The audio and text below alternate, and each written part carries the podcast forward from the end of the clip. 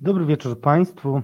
To jest Katarzis, czyli audycja moja autorska. Ja nazywam się Radosław Gruca, a jesteśmy wszyscy widzami, widzkami, słuchaczami i słuchaczkami, a przede wszystkim resetariankami i resetarianami, czyli widzami Resetu Obywatelskiego. Dobry wieczór wszystkim.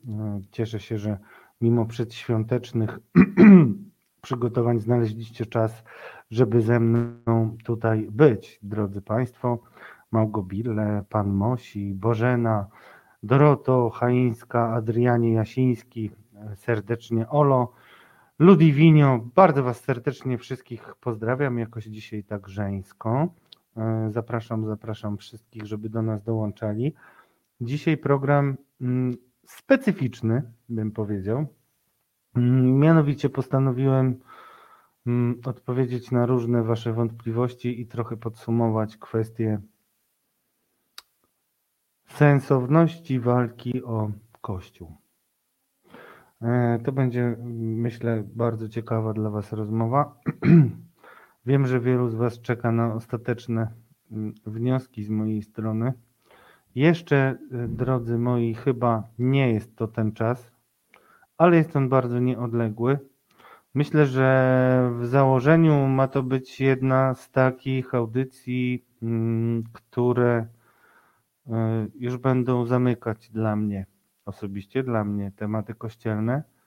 Tematy kościelne, do których podchodziłem z perspektywy i z punktu widzenia osoby, która wierzy mimo wszystko i rozumie Kościół inaczej niż pewną hierarchię.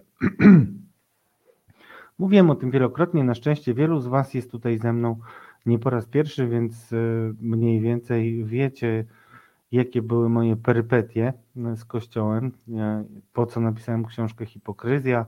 Wiele rzeczy udało się mm, osiągnąć dzięki temu, że ta książka się pojawiła, więc spełniła swoją rolę.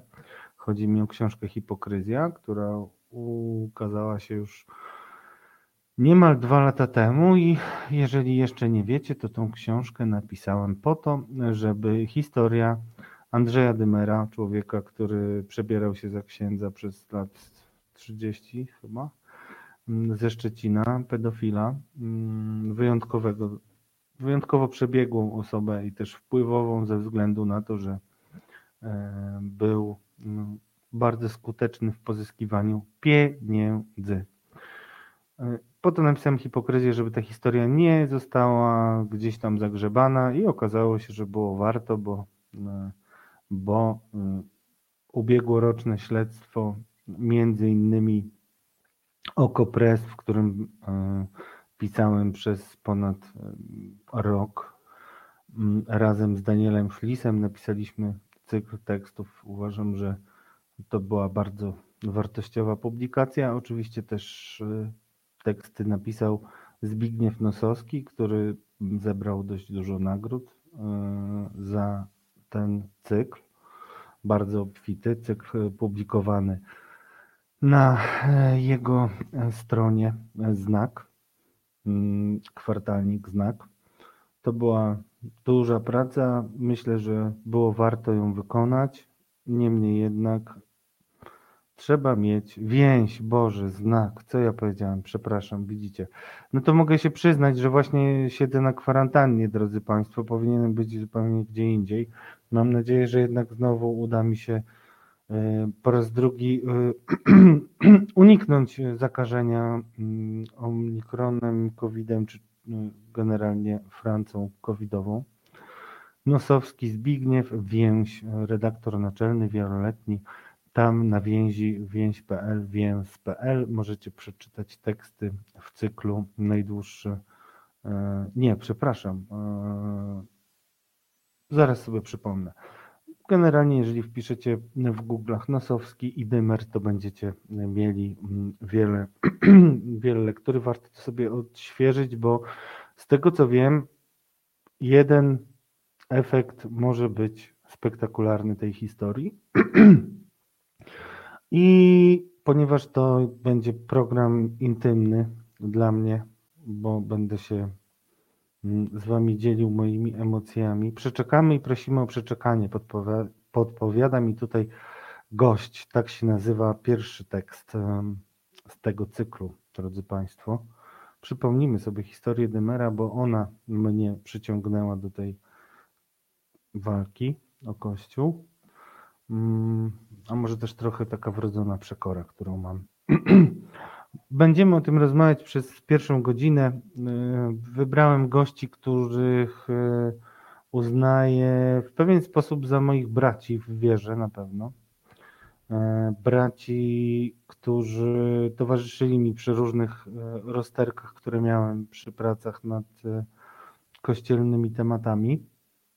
A jak, a jak wiecie, drodzy Państwo, trochę tych tematów zrealizowałem. I to będzie takie dzisiejsze podsumowanie pracy mojej, ale też pracy wielu ludzi, którzy mogą dzisiaj czuć się, no właśnie sami sobie odpowiedzcie, jak można się czuć po tym, y, jak napisało się, uznam, że jesteśmy taką drużyną pierścienia, y, ci, którzy piszą o patologiach kościelnych, jeżeli napisało się kilkadziesiąt tekstów, nie wiem czy już nie kilkaset, a zmiany są symboliczne.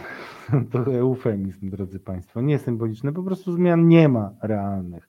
Znaczy, mm, dlatego, drodzy Państwo, powiedzą o tym osoby, które po pierwsze uważam za wiarygodne, które nigdy mnie nie zawiodły, które były ze mną, a ja z nimi w staraniach mm, o to, żeby Kościół i w ogóle wizerunek też ludzi wierzących był inny, bo to też jakby zapomina się o tym, ale tak naprawdę afery pedofilskie położyły się z jednej strony oczywiście na hierarchach, to jest dla mnie największym mm, i najważniejszym wątkiem w tych wszystkich rzeczach, bo to oni stworzyli system tuszowania e, skandali a po to między innymi starałem się przez te dwa ostatnie lata pisać y, o pedofilii z perspektywy osoby, która jest wierząca, bo bolało mnie to, że dość łatwo wszystkim przychodzi mówienie o tym, że to jest, y, że bycie osobą wierzącą hmm, sprawia, że katolicy są współwinni temu, co się działo w kościele, jeśli chodzi o pedofilię, jeśli chodzi o przestępstwa seksualne i tak dalej, i tak dalej. Z tym będę się nie zgadzał, nie tylko dlatego, że jestem przeciwko odpowiedzialności zbiorowej. Moimi gośćmi na początek będą e, Robert Fidura, znany też wcześniej jako Wiktor Porycki, e, człowiek bardzo ważny dla mnie w tym zakresie, człowiek, któremu zaufałem i tego nie żałuję. I człowiek, który starał się od środka mm, pomagać mm, nieumarłym, tak mówi o ofiarach e, skrzywdzonych Robert, którego też znacie, który też e, wystąpił parę razy w bardzo poruszających mm, rozmowach, między innymi w TVN-ie, który też ma e, ważne osiągnięcia w zakresie ujawniania patologii i pozdrawiam serdecznie autora filmu z kolei Najdłuższy proces Kościoła. Mm, Sebastian Wasilewski już nie pracuje dzisiaj w TVN-ie, ale przepraszam, czytam komentarze. I przeczytałem Mirosławę Walkiewicz, prawicowcy mają coś z rycerza. Myślnik, zakuty łeb. Ojej, drodzy Państwo.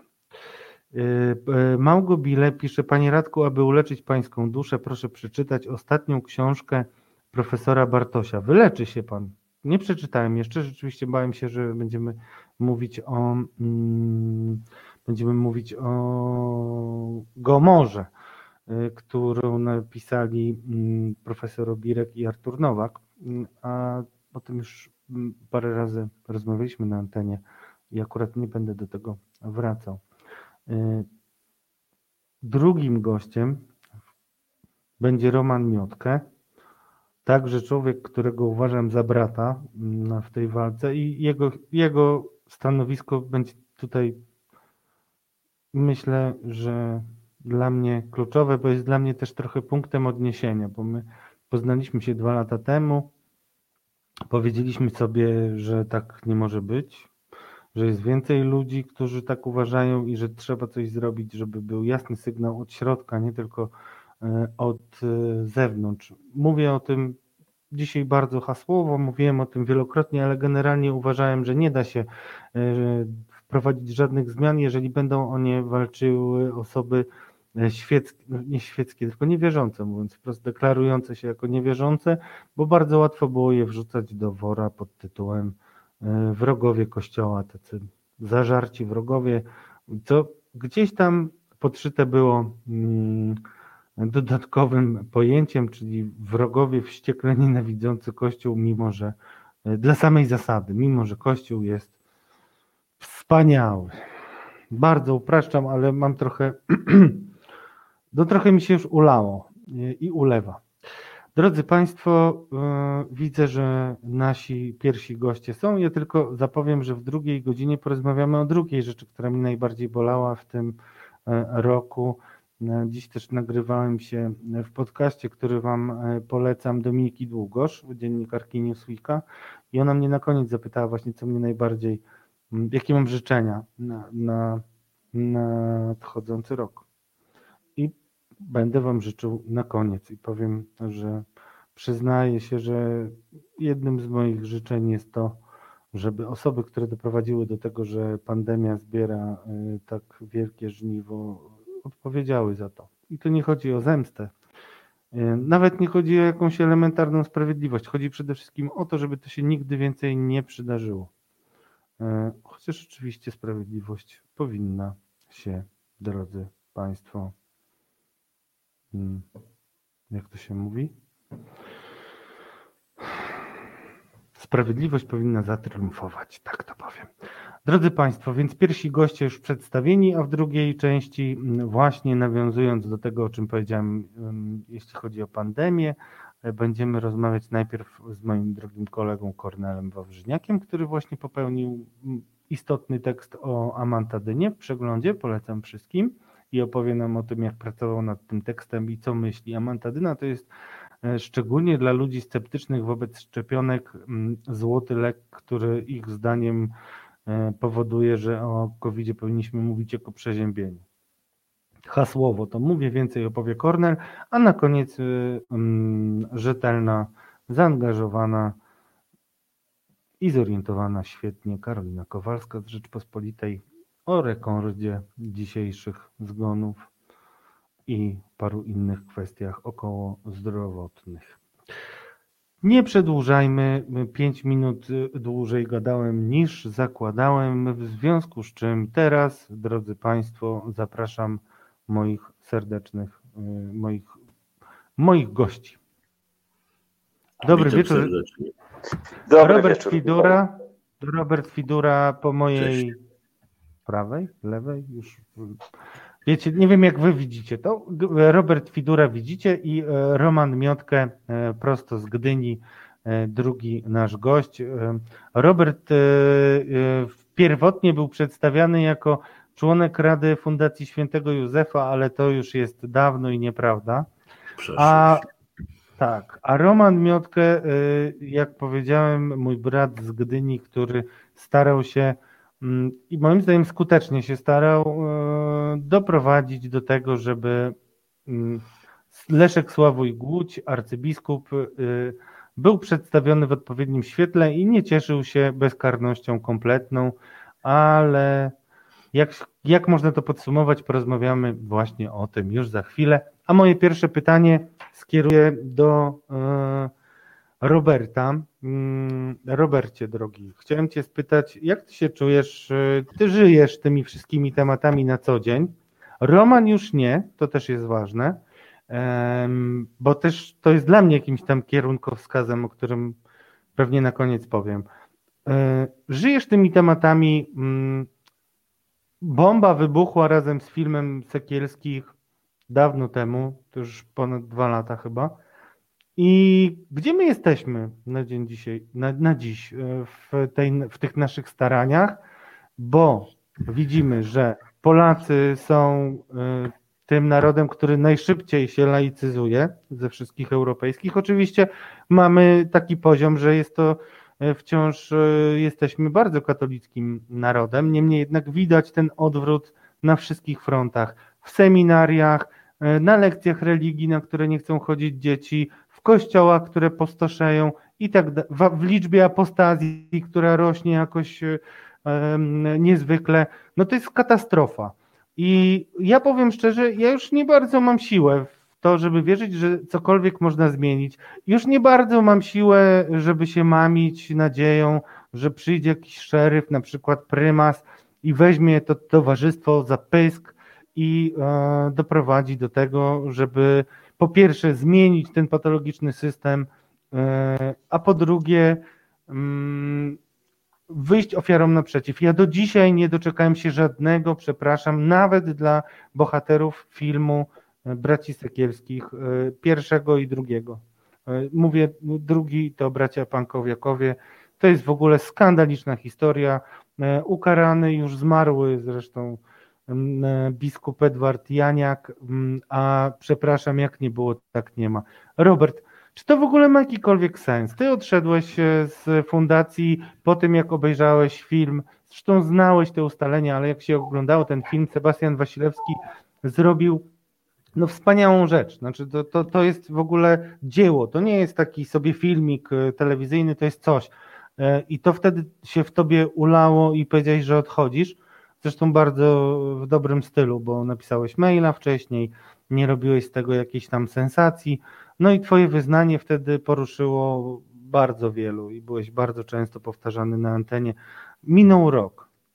Czy w ogóle jest jakakolwiek szansa na to, żeby tę instytucję, która jednak odgrywa bardzo ważne, e, bardzo ważną rolę nie tylko w życiu E, politycznym i społecznym, narzucając agendę, tematy, ale także w życiu bardzo wielu ludzi, e, którzy jednak w swoich e, małych ojczyznach, tak to nazwijmy, Kościół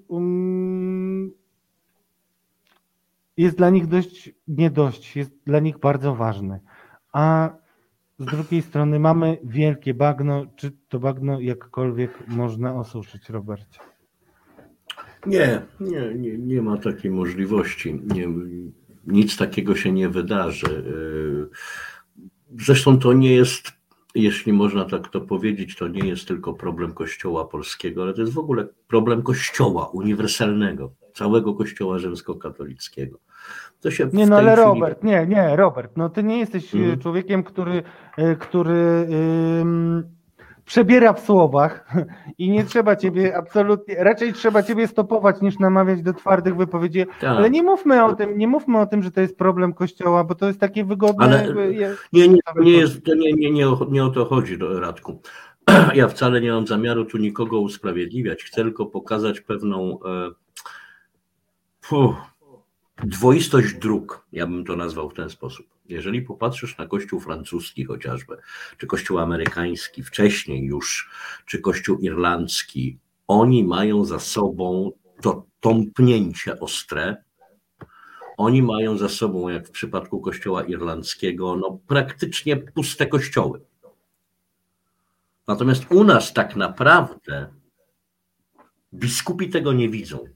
Im się wydaje, że specjalnie nic się nie dzieje, bo mają dodatkowe usprawiedliwienie samych siebie, polegające na tym, że zawsze mogą wmawiać sobie i innym, no ale mamy koronawirusa, dlatego nie ma ludzi w kościołach.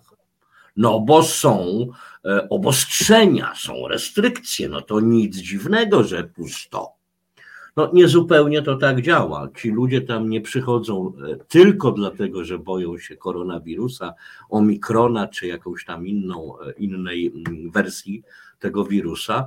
Nie przychodzą tam dlatego, że nie czują, bardzo często przynajmniej tak jest, nie, inaczej, czują, że to już przestało być ich miejsce. Czują się odrzuceni przez Kościół według mnie bardzo dużym błędem też w patrzeniu przez hierarchię na to, co się dzieje, jest takie patrzenie, że no, no co, no nie chciał, to nie przychodzi, no odszedł. ale nie ma refleksji, no ale zaraz, no, chodził i nagle co się stało, że przestał.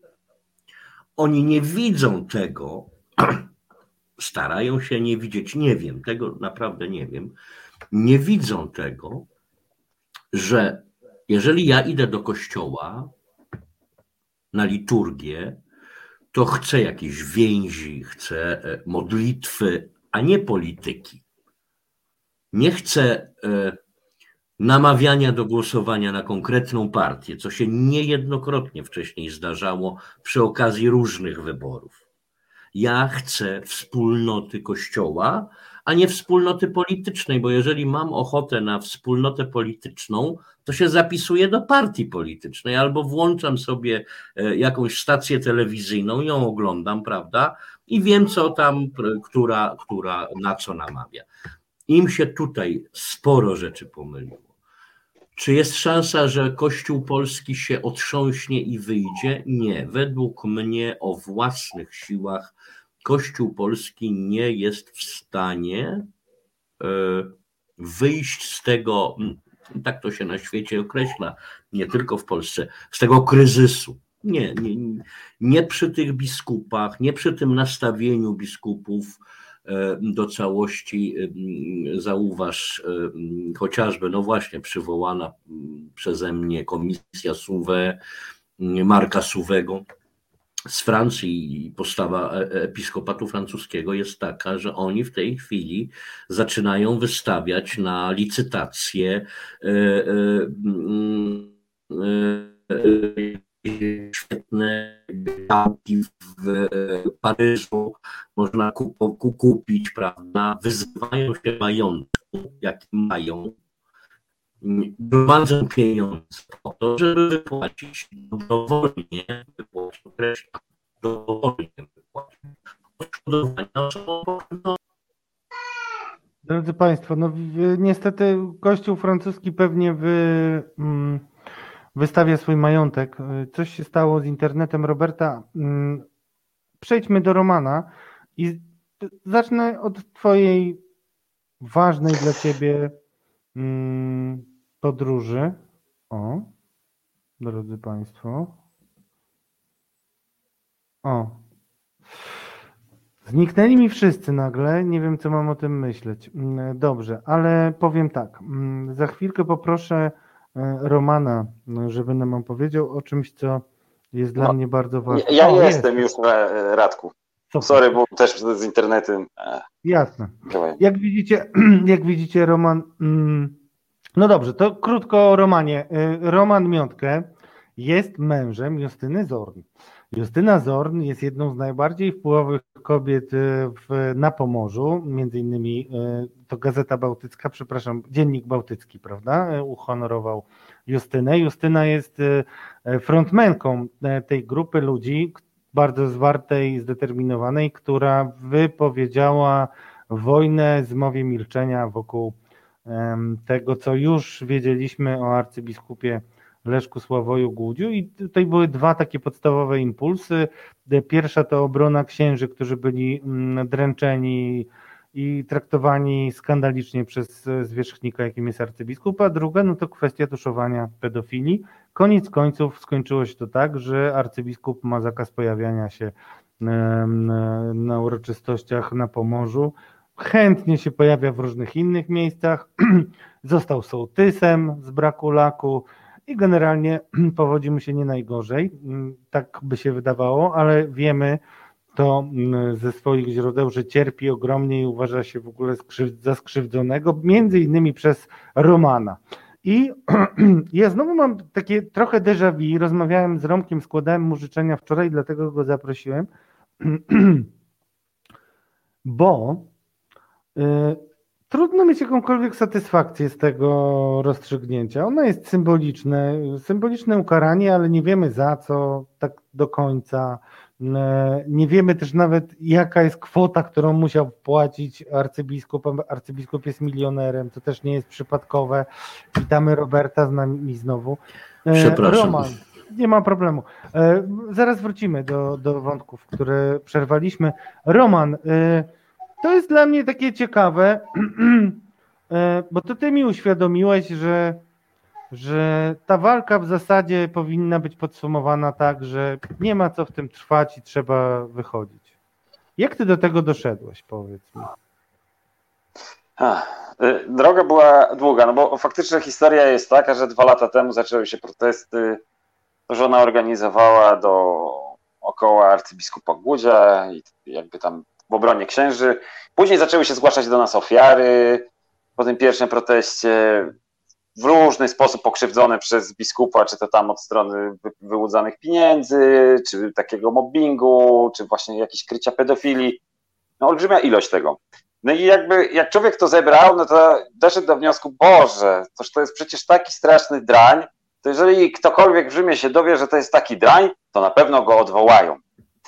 No i człowiek mówi, no dobra, no to co tam? Na początek były jeszcze pisane jakieś listy do papieża, były przez dyplomatów dostarczane, yy, przez kardynała Krajewskiego bezpośrednio, przez Buenos Aires i tam od tamtej strony. No ale reakcji żadnej nie było. No właśnie, później było spotkanie z nuncjaturą. Nuncjatura też to tak potwierdziła, jakby. No, nuncjatura jest raczej stworzona do tego, żeby chronić interesy swoich obywateli, czyli księży i biskupów. Jakby tak ogólnie. I pilno, no, no więc później było ogłoszenie yy, w gazecie dla Republice. Udało się zebrać na aukcji spore środki, pojawiło się ogłoszenie pełnostronicowe. Nagle cały świat zaczął o tym mówić. Zaczął, pisał o tym Washington Post, New York Times, kurczę, w Argentynie, Holandii, Hiszpanii. No, no olbrzymia ilość mediów, jakby, bo to gdzieś podchwycił temat y, BBC, nie, Reuters i to tam po, poszło.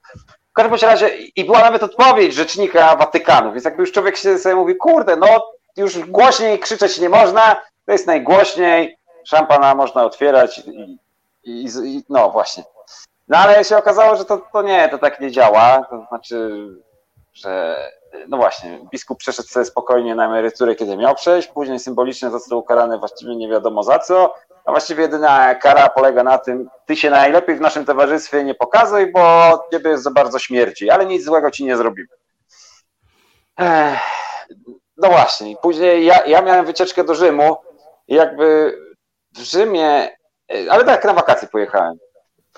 I tam zrozumiałem, że jednak Kościół, Kościół to jest instytucja polityczna. To jakby to o tym się często zapomina i się postrzega w kategoriach instytucji religijnej, ale że to jest instytucja polityczna, jakby z rządem, z placówkami dyplomatycznymi, z umowami międzynarodowymi, jakby. No i ona jakby przede wszystkim dba o siebie. No. To jakby i że papież, który jest wybierany spośród biskupów, tak jak w Polsce były wolne elekcje, no nie jest po to, żeby ich reformować, tylko jakby raczej ich chronić, czy tam kardynałów, no, już, już tutaj szczegółowo mówiąc. Mm. No więc zrozumiałem, że, że nie, że tu, tu, tu nie ma jakby, tam nie ma woli, żeby była zmiana. Jakby ostatnio rozmawiałem, jakby na przykład, Wyszło prawo y, to odnośnie, że można zgłaszać bezpośrednio do papieża y, w tym trybie na biskupów te, te skargi. Nie wiem, jak to się nazywało. Vos estis, votus, vos estis lux mundi, motu proprio. No, tak. No w skrócie nazywamy to WELM. No, no i tam na przykład się okazało, że, że też są elementy pominięte, bo są przy zakonach najwyżsi, Y, czyli generałowie, a już prowincjałowie na skalę kraju, to właściwie ich nie obejmuje i są w takiej dziurze. I niby o tym wiadomo, ale nikt tam niekoniecznie chce to zmieniać. Jakby model jest taki, że, że, że nie, tam, tam jest jakby ochrona. Teraz jest y, ogłoszony synod, czyli takie postanowienie, że zapytajmy się ludzi, i Kościół próbuje zmienić, jakby wizerunek, otworzyć, ale to, to w ogóle jakby nie idzie, no jeżeli to jest tak, że tutaj ludzie coś konsultują, ale muszą pod okiem księża i najpierw to biskupi w diecezji przemawiają, później biskupi y, w Warszawie, później biskupi kontynentalni i na końcu coś tam, to tam te głosy tam nikt nie usłyszy, no. Y, chociaż muszę powiedzieć, tak jeszcze mówiąc o tych głosach i ludziach, którzy chcą, no właśnie, byli dookoła protestów, no, ja, ja odeszłem z kościoła, jakby po tym doświadczeniu, że zobaczyłem, że nie, no to jakby tu nie da rady zmienić. To to nie, jakby i, to, i tam za dużo jest różnego rodzaju jakby kłamstw. Ale w każdym razie moja żona dalej trwa i ona jakby już też doszła do wniosku, nie, no to tak, to nie tak powinno być, nie tak działać. No ale łudzi się na przykład, że te, teraz ogłoszony synod coś zmieni, że tam jak się napisze głosy takie rzetelne, jak co należy zrobić, to że ktoś to przeczyta i to zrobi. I, i, i powstał kongres katoliczny, jak i katolików, i oni opracowują i robią te dokumenty tak naprawdę w pełni rzetelnie. Tak przeczytałem właśnie dokument na temat władzy, polecam.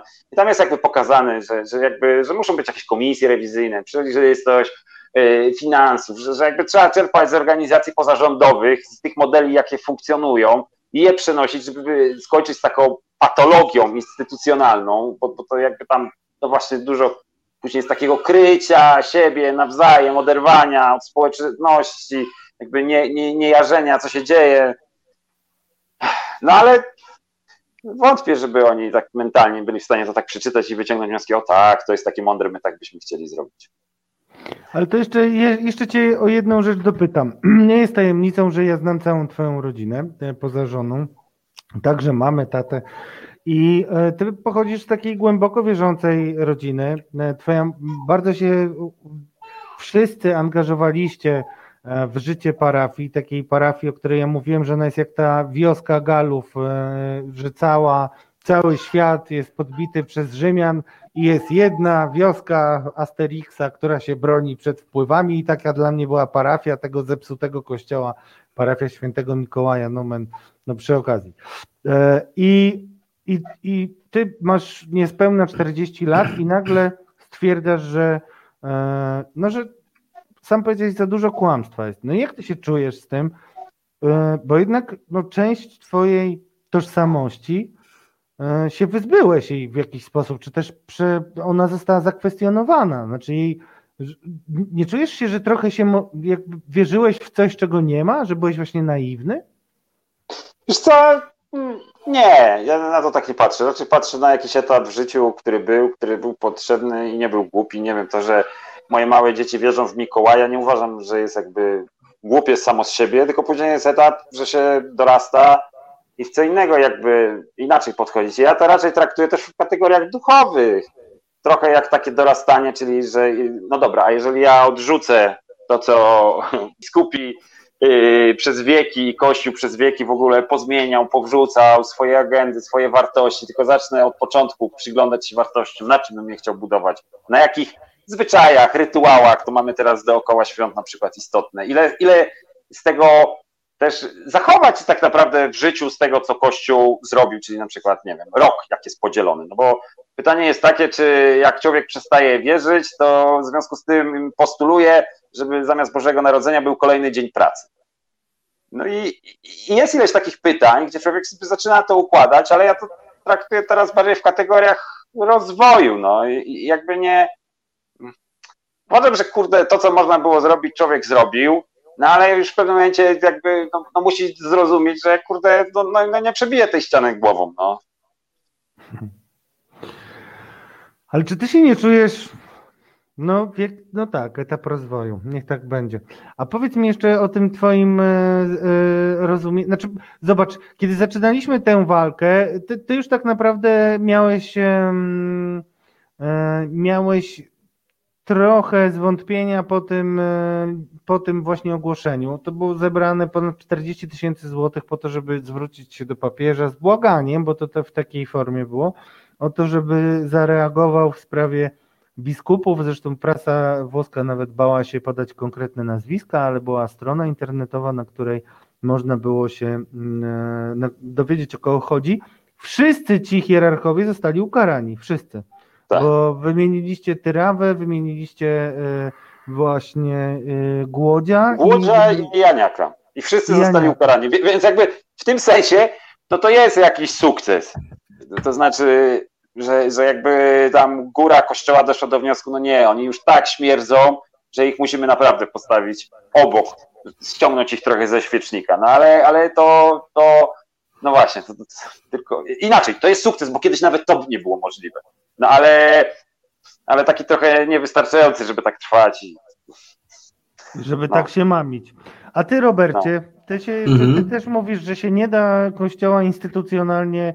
E, e, nie, bo ty powiedziałeś, że, że sam kościół się nie oczyści. To, to kto oczyści kościół? No ma, ma przyjść jakieś e, antykościelne, nie, znaczy nie wiem, bojówki mają przyjść, Nie, nie, o to- e, nie, nie, prokuratorzy. No nie, no To ale tak ty. wiesz, jak, jak się ja wiem, że nie, ale zastanawiam się, co masz na myśli, czy w ogóle jest jakakolwiek inna moc sprawcza, która by Tak. mogła, no, Tak, tak, tak, bo wiesz, ja patrzę na to w ten sposób. Myśmy się tak trochę zafiksowali i postawili znak równości. Kościół równa się hierarchia. Nie. Kościół to wszyscy wierzący. E, oczywiście tutaj Romek ma rację. E, Synod i, i to wszystko, co się odbywa w związku czy wokół synodu, tych poszczególnych etapów. Pytanie, co z tego tak naprawdę będzie.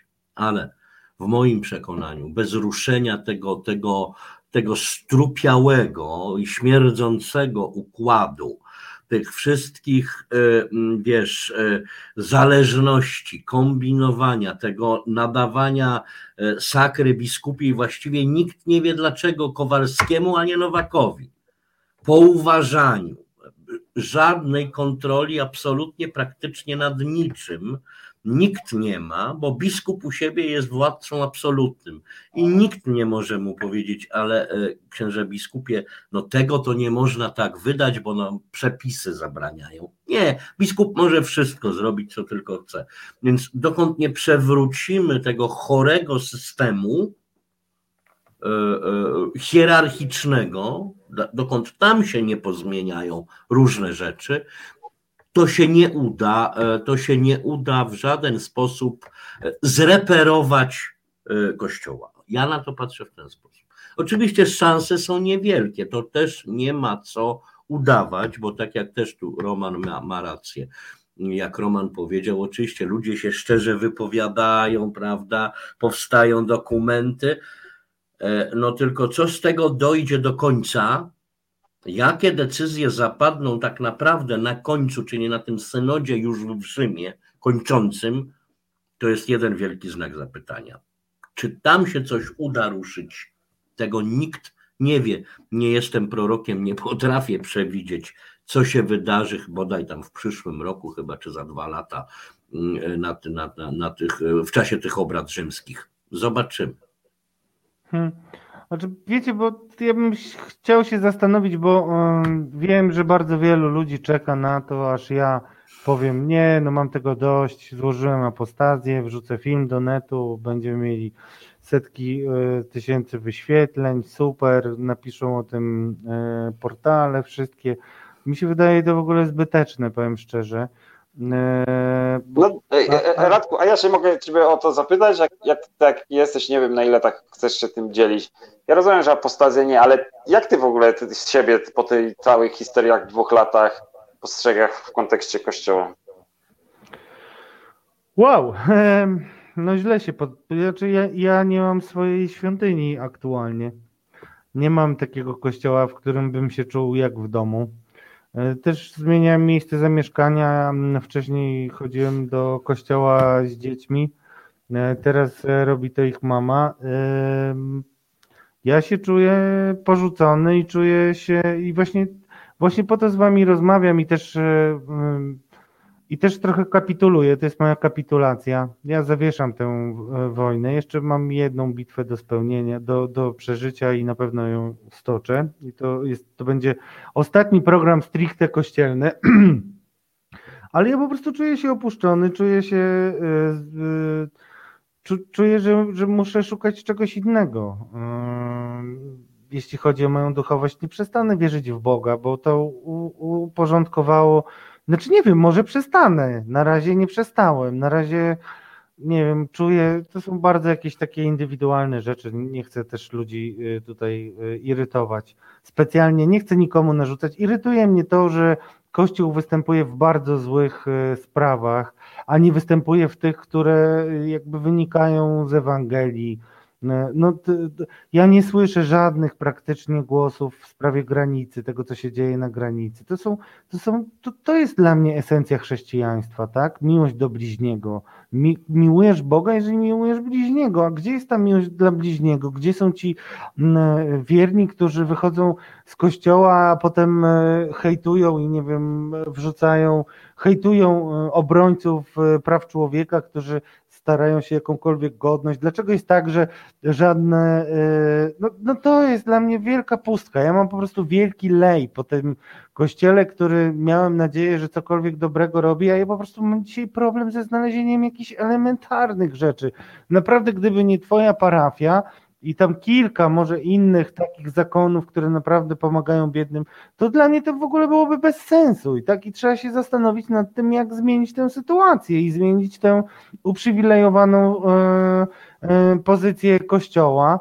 E, I oczywiście odcięcie od części kasy, co najmniej, proporcjonalnie do odpływu wiernych, wydaje mi się bardzo dobrym pomysłem, jeżeli nie całkowitego no, odcięcia e, od kasy. No, tak to widzę. Nie może na pewno tak być i Kościół po prostu zdemoralizował się, bo miał za dobrze. No, tak to widzę. No. I teraz, jeżeli e, rolą ludzi przyzwoitych jest moim zdaniem doprowadzić do tego, żeby ta e, uprzywilejowana pozycja była przeszłością i żeby hipokryzja hierarchów została E, ujawniona. I jednym z takich, e, mam nadzieję, przełomowych wydarzeń w kościele będzie wreszcie wyautowanie tej e, lawendowej mafii, czyli wyautowanie jakiegoś konkretnego biskupa, arcybiskupa, który jest gejem, a stoi na czele szczujni, która opowiada o jakiejś ideologii LGBT, zniechęcając do ludzi nieheteronormatywnych, tak, tak ujmując. Także tak, tak to Romek widzę na, na ten moment, ale czuję się no czuję się jak odrzucony, samotny i, i, i szukający jakiejś nowej drogi. No. I strasznie chciałbym posłuchać tego, co ma Robert do powiedzenia, a za wszelką cenę chce nam tutaj sitwa jakaś zagłuszyć, więc Roman, no nie wiem, bo ty, ty, to dla mnie, powiem Ci szczerze, twoje odejście po, to, przy takim zapale i przy takich korzeniach, jakie ty masz, wydaje się być jakimś w ogóle niesamowitą historią. I ja też wiem, że, że musiałeś cierpieć, ale okej, okay. E, Robert, e, jak ty, jak ty, nie wiem, czy słyszałeś nas, to co tak mówię. E, tak, tak, samej końcówki nie. No, jak ty, jak ty się czujesz? No bo, ja się... no bo Dlaczego nie robisz apostazji? No też e, ja wielokrotnie to powtarzam, przepraszam, że niektórzy źle się z tym czują i czują, że to jest takie niewłaściwe, ale ja mówię, że ty jesteś gejem e, i jesteś katolikiem i to jest w ogóle już e, bardzo trudna sytuacja dla osób nieheteronormatywnych być w kościele, tak? I, nie, nie, no ja po pierwsze, wiesz, dla mnie moja wiara to nie jest tylko i wyłącznie mm, kwestia kulturowa to jest, są, nie chcę wchodzić bardzo mocno w różne e, historie, bo musiałbym się zagłębiać bardzo, bardzo w swoje życie takie bardzo prywatne, bardzo intymne wręcz, więc wybacz, no nie chcę tego, nie chcę tego na forum ogólnym e, upubliczniać, ale dla mnie wiara to jest pewne przeżywanie mojej relacji z Panem Bogiem naj, najkrócej mówiąc, najprościej mówiąc. E, to jest tak, że to, mm, e,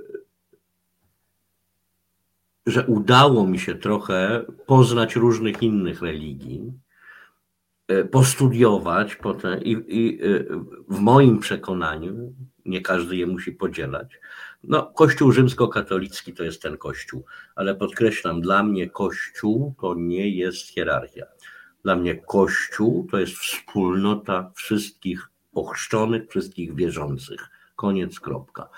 To, że nasi hierarchowie się nie sprawdzają, i tu już mówię przede wszystkim o tych polskich, chociaż właściwie co episkopat to można tam kilkunastu, kilkudziesięciu, e, prawie na ślepo ustrzelić bez większych kłopotów to, że oni się nie sprawdzają, nie powoduje we mnie tego, że przez, zrywa to ten, ten mój kontakt z Panem Bogiem. Tak to, tak to nazwę. E, we mnie powoduje to oczywiście gniew, sprzeciw, ale przeciwko nim, nie przeciwko Panu Bogu, tylko przeciwko tym e, ludziom w fioletach, e, czerwieniach i całej reszcie tych kolorowych fatałaszków. I im się trzeba dobrać do tyłka i, i ustawić ich do pionu i pokazać im pewne rzeczy, bo panom no, najzwyczajniej w świecie obrośli w piórka. I to jest efekt y, gdzieś tam okresu y, oświecenia XVIII wieku, kiedy w reakcji na oświecenie i te monarchie absolutystyczne w Europie przyjęto w kościele analogiczny ustrój polityczny. Dostosowano się do tego, żeby nie zginąć w zalewie absolutyzmu. E, w tej chwili taki ustrój nie ma najmniejszego sensu. Można przypomnieć, że e, jeszcze do XVI-XVII wieku było tak, że bardzo często to król na przykład w Polsce decydował, kto będzie biskupem, a nie papież w Rzymie. E, oczywiście znów można się kłócić, czy to było lepsze, czy to było gorsze. To, to nie o to chodzi. Ja chcę tylko pokazać, że można inaczej niż jest, inaczej niż to, do czego się przyzwyczailiśmy, prawda? E, to tylko papież, nikt na nic nie ma wpływu. No i mamy takie kwiatuszki, że e, Ostatnia sakra sprzed, nie wiem, nie pamiętam, nie chcę teraz skłamać, a dwa czy trzy dni temu, bodaj w sobotę w Poznaniu, prawda, biskupem zostaje człowiek, który był w czasach Peca kanclerzem jego kurii. No niech mi ktoś y, spróbuje udowodnić, że ten człowiek nie wiedział, co jego szef ówczesny robi. I nagle y, w nagrodę za to wszystko, prawda, chyba za to, że trzyma język za zębami, zostaje biskupem. No, Ty to gdzieś, tak, ja to powiedziałem głośno, wyraźnie. Mogę bardzo chętnie, wręcz bardzo chętnie, jeżeli ktoś ma, mm, e, będzie chciał, spotkam się w sądzie, mm, nie widzę najmniejszego problemu. Już wyobrażam sobie to tłumaczenie e, obecnych szefów archidiecezji poznańskiej, tego, co się wtedy e, tam działo. No to ja, ja, ja ci załatwię prawnika. Zresztą mam Dużo fanów. A nie, mam, mam. No, dobrze. Okej, okay, panowie, ostatnie pytanie w takim razie. Gdybyście mieli, takie zadanie wam robię e, świąteczne. Gdybyście po wszystkich swoich doświadczeniach, które tutaj sobie przypomnieliśmy, mieli zrobić jeszcze jedną ostatnią, że ostatnią w przypadku Romka przynajmniej rzecz, bo już więcej nie będę zapraszał Romka, żeby o tym opowiadał. E, Roberta być może e, tak. E, gdybyście mieli wytłumaczyć naszym wszystkim widzom, dlaczego, e, dlaczego, nie, akcept, dlaczego nie podpisujecie się pod tymi daleko idącymi e, oskarżeniami, bo to tak trzeba nazwać, że wszyscy ci, którzy są w kościele, są odpowiedzialni za to, za to całe bagno, za ten cały smród, o którym ty mówisz, za, no za to całe zło, bo to trzeba tak po prostu po imieniu nazwać. Dlaczego uważacie, że, y, a może jednak zmieniliście zdanie, no ale trochę z wami rozmawiałem. Dlaczego uważacie, że nie powinno się y, tego, do tego tak podchodzić? Dlaczego uważacie, że to jest niesłuszne, Romku? Czekaj, czekaj, bo, bo ja do końca pytania nie zrozumiałem. Pytanie jest takie. Bardzo często, szczególnie na naszym forum, ludzie mówią tak: jeżeli jesteście w kościele, to jesteście współwinni. Czy ty uważasz, że wierzący są współwinni za te wszystkie grzechy? Nie, nie współwinni, no bo po pierwsze, jakby człowiek jest wychowany i chodzi do kościoła dlatego, że najczęściej rodzice uważali, że to jest coś dobrego i jest przekonany, że to jest coś dobrego i dlatego chodzi. A oderwanie tak jakby instytucjonalnie poprzez prawo, ten system wyboru biskupów, gdzie ludzie świeccy nie mają żadnego wpływu na nic, że nawet jak właśnie jak jest ogłaszany jakiś biskup, to przed każdym sakramentem innym, ślubem, kapłańskim, to nawet jest wywieszany wcześniej, że ktoś może powiedzieć, nie, no ale to jest kawał drania, nie róbcie z niego biskupa. Więc nie ma nic takiego, wszystko jest tajnie robione po właśnie jakichś tam układach yy, dziwnych. No i to jest tak daleko od tych ludzi, którzy są normalnie, chodzą, nie wiem, w to, na pasterkę yy, w Boże Narodzenie i, i w ogóle nawet tym nie żyją, no, no Boże, chodzą na zakupy, żyją dziećmi w szkole, yy, pracą, stresem, siłownią, nie wiem, anoreksją, jedzeniem, promocją, wojną w, yy, w Syrii czy czymkolwiek. Nie myślą na co dzień nawet o tym, bo jakby wiele ludzi, jak rozmawiam ze znajomymi, to nawet nie ma, nie interesuje się tym, co tam się dzieje w kościele. To, to jest taki temat, my się tym mocno podniecamy, ale dla większości ludzi to nie jest już, znaczy, kurczę, dla wielu jest, ale też jest olbrzymia część społeczeństwa, która nawet chodzi do tego kościoła i właściwie im to aż tak tam strasznie nie robi, bo, bo nie, jakby no nie zaprzątają sobie tym strasznie głowę. Hmm, ciężko Robert? mi oceniać, że oni byliby w jakikolwiek sposób współwinni temu, co robią biskupi i jak instytucja jest sformatowana, bo, bo nie ma żadnego połączenia. Okej. Okay. Robert, ostatnie pytanie. Nie, nie, absolutnie nie jestem zwolennikiem tego, że jestem ja, Roman, czy ty, Radku, ktokolwiek z nas, czy ktokolwiek z wiernych jest winny temu, co się dzieje e, e, w kościele. E, z bardzo, bardzo prostej przyczyny. Nie mamy na to realnie, nie mieliśmy na to realnie żadnego wpływu. Jaki mieliśmy chociażby którykolwiek z nas trzech wpływ na to, że księdza Iksińskiego, mm, sprawcę pedofilii w parafii X, biskup przeniósł na parafię Y, potem wysłał na Ukrainę, potem wysłał jeszcze gdzieś. Nikt z nas takiego wpływu nie miał. Nie, nie, nie można stawiać e, znaku równości pomiędzy jakąś e, wyimaginowaną odpowiedzialnością świeckich, a rzeczywistą odpowiedzialnością hierarchii, która e, tak naprawdę no oni i tylko oni decydują o wszystkim w kościele, nikt poza duchownymi. Teraz to się tam minimalnie zmienia, prawda? Na szczytach w Watykanie, gdzieś tam ktoś, jakaś świecka osoba jest rzecznikiem prasowym, no powolutku, powolutku, ale to, to nawet nie są pierwsze jaskółki, to są jakieś, wiesz, takie E, pierwsze wiosenne, nie wiem, podmuchy troszeczkę cieplejszego wiatru. Nic, wie, nic więcej. Kiedy tak naprawdę to lato nastanie, to jeszcze pewnie lata, lata, lata.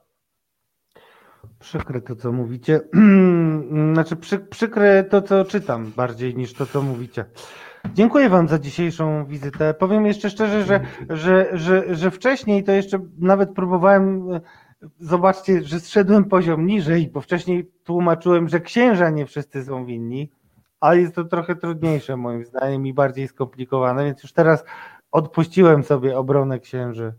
Ale dziękuję Wam za te słowa, które są dla mnie trochę już jednym z no, bliskich e, zamknięć tego tematu. Dziękuję. To była ostatnia wizyta Romana Miotkę w naszym Katarzis. I być Dziękuję może bardzo. Nie... I życzę miłych i przyjemnych świąt, tych no przygotowań, aby były jak najspokojniejsze do świąt, a później miłe przeżyte.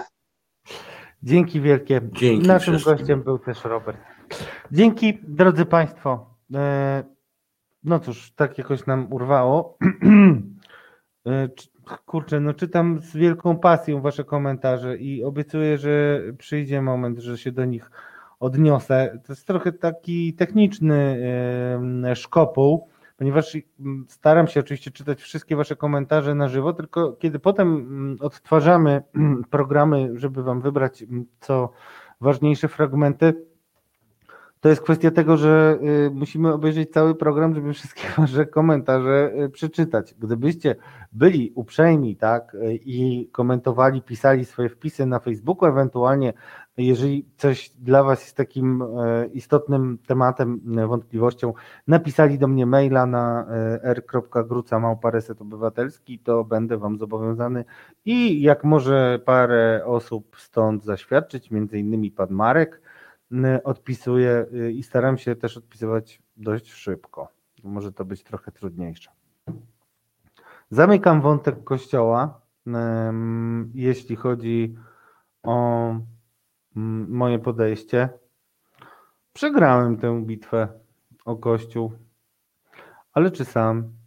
I czy nie było warto? Było warto. Bo to jest trochę tak, że jeżeli chcesz powiedzieć, że. Yy, znaczy uważam, że wasze komentarze są dla mnie o tyle y, łatwe do y, przeżycia, że myślę, że nie widzieliście tyle co ja, to są wasze jakieś przekonania. Nie, nie chcę zresztą mówić ogólnie, każdy ma jakieś swoje doświadczenia, ale mm, no to jest porażka. Nie wierzę w żadne mm, hmm, Teofo Pszuja, który napisał bardzo, bardzo ciekawy komentarz, do którego bym chciał wrócić. E, I, I, wielokrotnie, panie Teofobie, y, czytam z uwagą komentarze, nawet szukam teraz na chwilę, chociaż już czeka nam kolejny gość, którego nie chcę przyciągać. na pewno się odniosę do pana Teofoba, y, drogi Teofobie.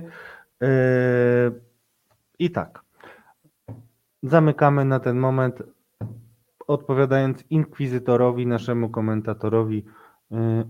W tym roku ujawnię nazwisko księdza. Kwestia, dlaczego tego nie zrobiłem do tej pory, trochę musiałbym to wytłumaczyć, ale łatwo sobie wyobrazić. Miałem kilka problemów yy, letnich, yy, w związku z czym to trochę mm, zaburzyło moje prace nad finałem, a gwarantuję Wam, że finał tej historii wstrząśnie i mówię zupełnie z odpowiedzialnością pełną, wstrząśnie nie tylko Polską.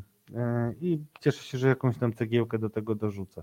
Bo konsekwencje sprawy mojego brata Pawła, którą opisałem lapidarnie w hipokryzji, będą olbrzymie i cieszę się, że, że, że zobaczycie.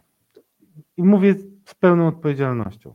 Sprawa, e, już powiedziałem, że chodzi o Orchard Lake, czyli o seminarium, które już jest e, chyba zamknięte, czy miało być zamknięte w tym roku.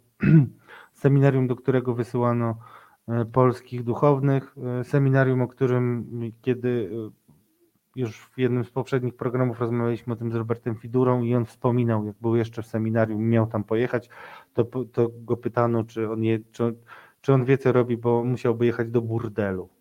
Tak nazywali mm, we, między sobą księża Orchard Lake. Naczekał się 8 minut Kornel na swoje wejście. Zamykam kościół, przechodzimy do tego, co szaleje e, za oknem. Pandemia. Dobry wieczór, Kornelu. Ja Ciebie nie słyszę. E, mam nadzieję, że to tylko ja i napisze mi zaraz ktoś, że wszyscy Cię słyszą. Ja Już powinno mnie być słychać. Dobry wieczór, Radku. Dobry wieczór dobry Państwu wieczór. jeszcze raz. E, ja mam, ja mam u siebie na biurku dużo notatek, e, dużo różnych rzeczy i dużo różnych guzików i coś widocznie nie odklikałem, dlatego mnie nie słychać. Ty tak mówisz, Radku, że, e, że, że się naczekałem, ale, ale to nieprawda, bo ja zawsze cię z chęcią słucham, również, również od kuchni. I chciałbym Ci powiedzieć, że tak ze względu na to, że się przysłuchiwałem, E, no, niektórzy mogliby myśleć, e, kiedy, e, kiedy myślę o mnie jako o ateiście, że Twoja przegrana mogłaby mnie w jakiś sposób cieszyć, ale to nieprawda, bo no jednak takie, wiesz, przekonanie, zanim przejdziemy do tego tematu, takie, takie przekonanie, uczucie, że przegrało się jakąś sprawę, jaką się walczyło, E, a paradoksalnie y, wspierałem Cię zawsze w Twoich dążeniach i trzymałem za Ciebie kciuki, to takie, takie poczucie jest jednak nieprzyjemne i, i przykro mi z tego powodu. To tak chciałem tytułem wstępu Ci powiedzieć. E, no ale zmierzyłeś się, e, zmierzyłeś się z Kościołem nieraz, z próbą oczyszczenia tej instytucji w nieraz e, dużo mocniej to odczuwając niż większość tutaj z nas, szczególnie widzę paru ateistów na czacie, którzy mówią, tak jest, tak jest i no, no tak to, tak to, tak to chyba nie działa. No ale dobrze, e, nie po to mnie chyba dzisiaj e, zaprosiłeś, nie po to się widzimy. Jeszcze raz dobry wieczór Państwu. Dobry wieczór Państwu. Kornel e, Wawrzyniak, sekretarz e, Resetu Obywatelskiego, e, sekretarz redakcji, ale także pracujący i publikujący w przeglądzie. I właśnie bardzo mnie cieszy to, że Kornel zajął się tematem moim zdaniem wcale nie zgłębionym i ciekaw jestem, co mi o tym powiesz, y, bo wiem, że się y, zaciekawiły Cię mm, różne wątki, nie wszystkie się znalazły w artykule i dlatego uznałem, drodzy Państwo, że y, powinniśmy o tym porozmawiać, a będziemy rozmawiać o cudownym leku amantadynie. Tak przynajmniej podchodzą do tego leku ludzie, którzy są sceptyczni wobec, jeśli nie całej pandemii, to do skali zagrożenia, z jakim się mierzymy jako świat, jako Polska. I właśnie amantadyna pomaga, pomaga trochę oswajać tą bestię, e, tę bestię, którą, e, której się tak baliśmy jeszcze przed pierwszym lockdownem i wtedy strach był olbrzymi. Dzisiaj się wydaje, że to już jakoś wielu e, przechodzi nad tym do porządku dziennego, a ci, którzy są mm, przeciwnikami szczepień mówią właśnie, po co mam się szczepić, jest amantadyna, biorę amantadynę, przeziębienie prawie i do widzenia, nie ma choroby. Jak to jest w ogóle? Ty, tym bardziej, że ty jesteś filozofem, co bardzo w tobie cenię y, i czasami mnie męczy. Y, chciałem spytać, chciałem spytać, y, jak ty w ogóle widzisz historię tego leku przede wszystkim, jaką on pełni funkcję dla, dla ludzi, którzy uważają, że to jest złoty środek, bo jest tani, e, bo jest taka legenda, że część lekarzy go stosuje na przekór większości, która jakoś tam jest, to jest przekonanie, też trochę idziemy w teorię spiskową, ale nie chcę nawet iść tak daleko, ale generalnie idą owczym pędem lekarze, nie myślą, a tutaj jest taki lek, wszyscy wychodzą zdrowi, jest kilku lekarzy, którzy chce, żeby to był lek y, uznawany jako wskazany na koronawirusa. A jaka jest prawda, Korne? Wiesz, e, tekst, który ukazał się w przeglądzie, e, a który popełniłem, ma taki tytuł. E, ja bardzo, bardzo tutaj liczyłem na to, że ten tytuł taki zostanie. Otóż artykuł jest zatytułowany Amantadyna Historia Półprawd. I to jest, to jest pewna taka rzecz, na którą warto spojrzeć od samego początku. Czemu ta mantadyna jest w ogóle popularna, czemu się nią w ogóle cały czas zajmujemy, czemu ona cały czas z, jest w, jakimś, w jakiejś takiej soczewce. E, zresztą e, tu podzielę się z Państwem i z Tobą taką e, ciekawostką. Otóż jak gazeta w poniedziałek wyszła, bo akurat przegląd wychodzi w poniedziałek, tego samego dnia mm, na antenie z bodajże radiowej trójki wypowiadał się wiceminister zdrowia Waldemar Kraska. E, no i zobaczyłem dwa czy trzy nagłówki w sieci, z, z których czytam, e, mamy obiecujące wyniki badań. Mówię, o kurczę, no to nieźle. No to teraz wychodzi na to, że tutaj y, no, dokonałem jakiejś pomyłki. No ale okej, okay, kliknąłem, sprawdziłem, co tam, e, co tam e, wiceminister Kraska powiedział. No i powiedział to, o czym też Państwu powtarzam niejednokrotnie w katarzis, e, w katarzis, nie w katarzis, katarzisy są siebie dzisiaj w nieco jaśniej. Powtarzam, powtarzam niejednokrotnie. Ministerstwo Zdrowia uprawia pewną politykę. Wątków jest bardzo dużo, proszę Państwa, ale wszystko po kolei. Y, oni uprawiają pewną politykę, uprawiają po prostu politykę wpisującą się w e, po prostu zdobywanie, e, zdobywanie kolejnych procentów, kolejnych słupków. E, no i zobaczyli, że jest duży potencjał w ludziach wierzących w amantadynę. Więc teraz tak po tej akcji z zeszłego tygodnia, E, kiedy to Marcin Warchoł, wiceminister sprawiedliwości, domagał się od e, ministra zdrowia Niedzielskiego, żeby pokazał po roku jakieś badania, no to nagle się okazało, że to Ministerstwo Zdrowia e, próbuje gdzieś tam się podczepić znowu pod tych lubiących amantadynę, wyznających tą amantadynę, żeby zdobywać głosy. No bo oczywiście, jak przeanalizujemy wypowiedź e, e, wiceministra Kraski, okazuje się, że mówi: Mamy obiecujące wyniki badań, ale okazuje się, że są to jakieś badania laboratoryjne, nie ma jeszcze badań klinicznych. One tutaj są kluczowe, no bo póki nie mamy tych badań klinicznych, czyli na człowieku, czyli badań E, in vitro, ani in vivo na żywym organizmie, no to nie możemy tak naprawdę nic stwierdzić i od roku wiemy to samo, czyli że nie mamy wystarczającej ilości danych, żeby potwierdzić, że amantadyna w jakikolwiek sposób jest skuteczna. I teraz, od początku, bo to taka anegdota na rozgrzewkę była, od początku. Czemu mówię, że amantadyna jest historią półprawd? Y, dlatego, że jest coś takiego, jesteśmy od roku, opinia publiczna od roku jest przekonywana, że amantadyna może być skuteczna w leczeniu SARS-CoV-2 e, ze względu na swoje działanie przeciwwirusowe. I to jest prawda. To jest prawda o tyle, że amantadynę jeszcze parę lat temu e, stosowano mm, e, przy leczeniu grypy typu A. To jest ta grypa, z którą się stykamy co roku. Ona teraz sobie mutuje.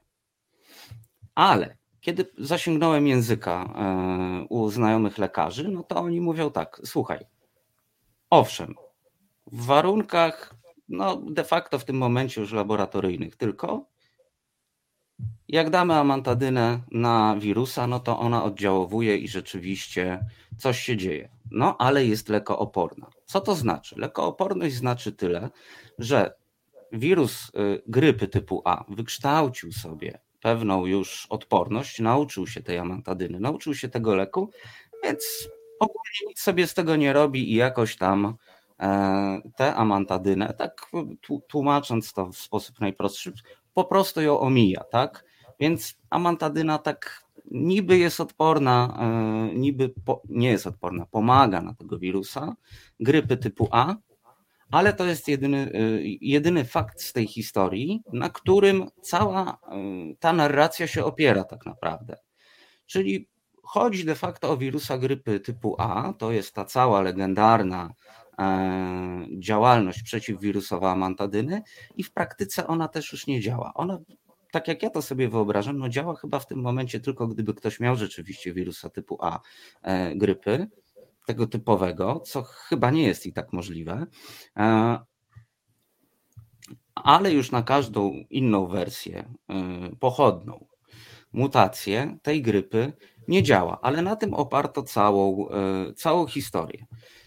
No i ta amantadyna, z tego co Państwo też już wiecie, wypłynęła teraz po prawie roku badań, miała, miały się zajmować E, różne ogólnopolskie, ogólnopolskie ośrodki e, badaniami nad amantadyną. Miało być ich siedem. W tym momencie ze słów ministra Niedzielskiego wiemy, że są to już dwa ośrodki. E, I Niedzielski też tłumacząc się wiceministrowi sprawiedliwości Warchołowi, tak z jednej strony mówił mu, nie zrozumiał pan badań, E, na które się pan powołuje. Z drugiej strony trochę mu się tłumaczył, bo tak mówił, no mam dwa ośrodki, te dwa ośrodki działają, e, ale też jest pewien problem. Te ośrodki nie przysyłają mi żadnych danych. Prawdopodobnie nie przysyłają mu żadnych danych, bo nie za bardzo mają mu co przysłać. Tak? E, to, jest, to jest jeden z tych właśnie problematycznych wątków. Widzę tutaj, Radku, że nam na chwilę zniknąłeś, ale pewnie E, pewnie za chwilę wrócisz. E, I tak, e, tak zaczęła się nakręcać pewna spirala, bo z jednej strony mamy, proszę Państwa, kwestię właśnie, właśnie tego, że amantadyna ma jakąś legendarną właściwość, mistyczną wręcz, zwalczania wirusów. Okazuje się, że chodzi tylko o wirusa grypy, tylko to jest w tym momencie przez naukowców potwierdzone, więc można powiedzieć, że tylko na ten e, wirus e, grypy typu A oddziałowuje, ale pojawił się oczywiście cudowny uzdrowiciel, którym jest doktor Włodzimierz Bodnar. Tutaj zajrzę sobie jeszcze do ściągawki. E, Włodzimierz Bodnar z przychodni Optima w Przemyślu, który ma swoją autorską całą terapię. I proszę Państwa, wspominałem zresztą o tym e, e, na naszym ostatnim piątkowym spotkaniu e, w nieco jaśniej. Bodnar tak wszystkimi zakręcił, mówiąc, że uzdrawia ludzi amantadyną, że złożono nawet 2 grudnia 2020 roku interpelację numer 15988 przepraszam, do prezesa Rady Ministrów w sprawie przeprowadzenia badań nad skutecznością stosowania amantadyny w leczeniu COVID-19. Obstawiam e... posłankę Siarkowską. I teraz cię zaskoczę. I teraz cię zaskoczę, bo wszyscy sobie oczywiście na początku myślimy, i ja też póki nie przewinąłem tego dokumentu e, w przeglądarce internetowej, wszyscy sobie myślimy, że bardzo dużo polityków prawicy, takich właśnie gdzieś, których można powiązać z foliarzami, z szurami, gdzieś oni tutaj antyszczepionkowcy i tak dalej, to na pewno któraś, któryś z nich. Otóż nie. Okazuje się, że zgłaszającym był pan poseł Wiesław Busz, e, który jest e, posłem na Sejm z Rzeszowa, jest też radnym rzeszowskim już chyba w trzeciej kadencji i jest z SLD.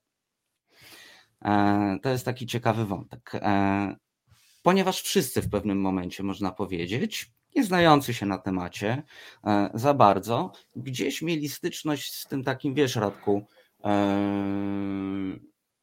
z tą taką machiną medialną, napędzoną właśnie przez, przez Bodnara.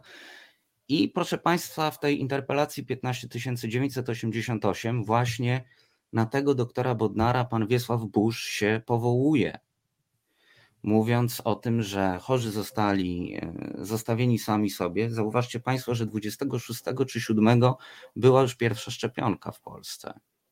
Już się zaczynaliśmy szczepić. To jest 20 parę dni wcześniej, jest złożona interpelacja, no i tu się właśnie pojawia ten wątek, tak? Ten wątek, e, bo to jest w ogóle moje odkrycie. E, jest to pewnie dosyć oczywiste, ale było to takie odkrycie dla mnie, proszę Państwa, że Mamy antyszczepionkowców, chodzą po ziemi antyszczepionkowcy, którzy wierzą w wirusa, tylko boją się szczepionki.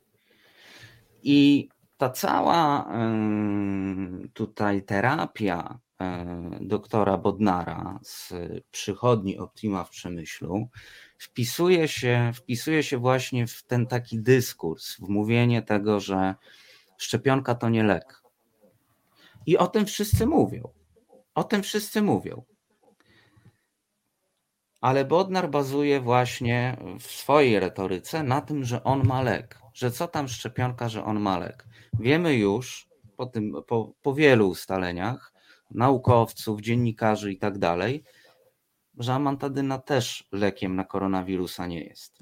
Wątków jest naprawdę dużo i y, to, to od czego trzeba zacząć, to rzeczywiście to, że nie ma tych dowodów, tak, cały czas na to, że amantadyna w jakikolwiek sposób miałaby chronić, e, chronić, e, działać w leczeniu koronawirusa.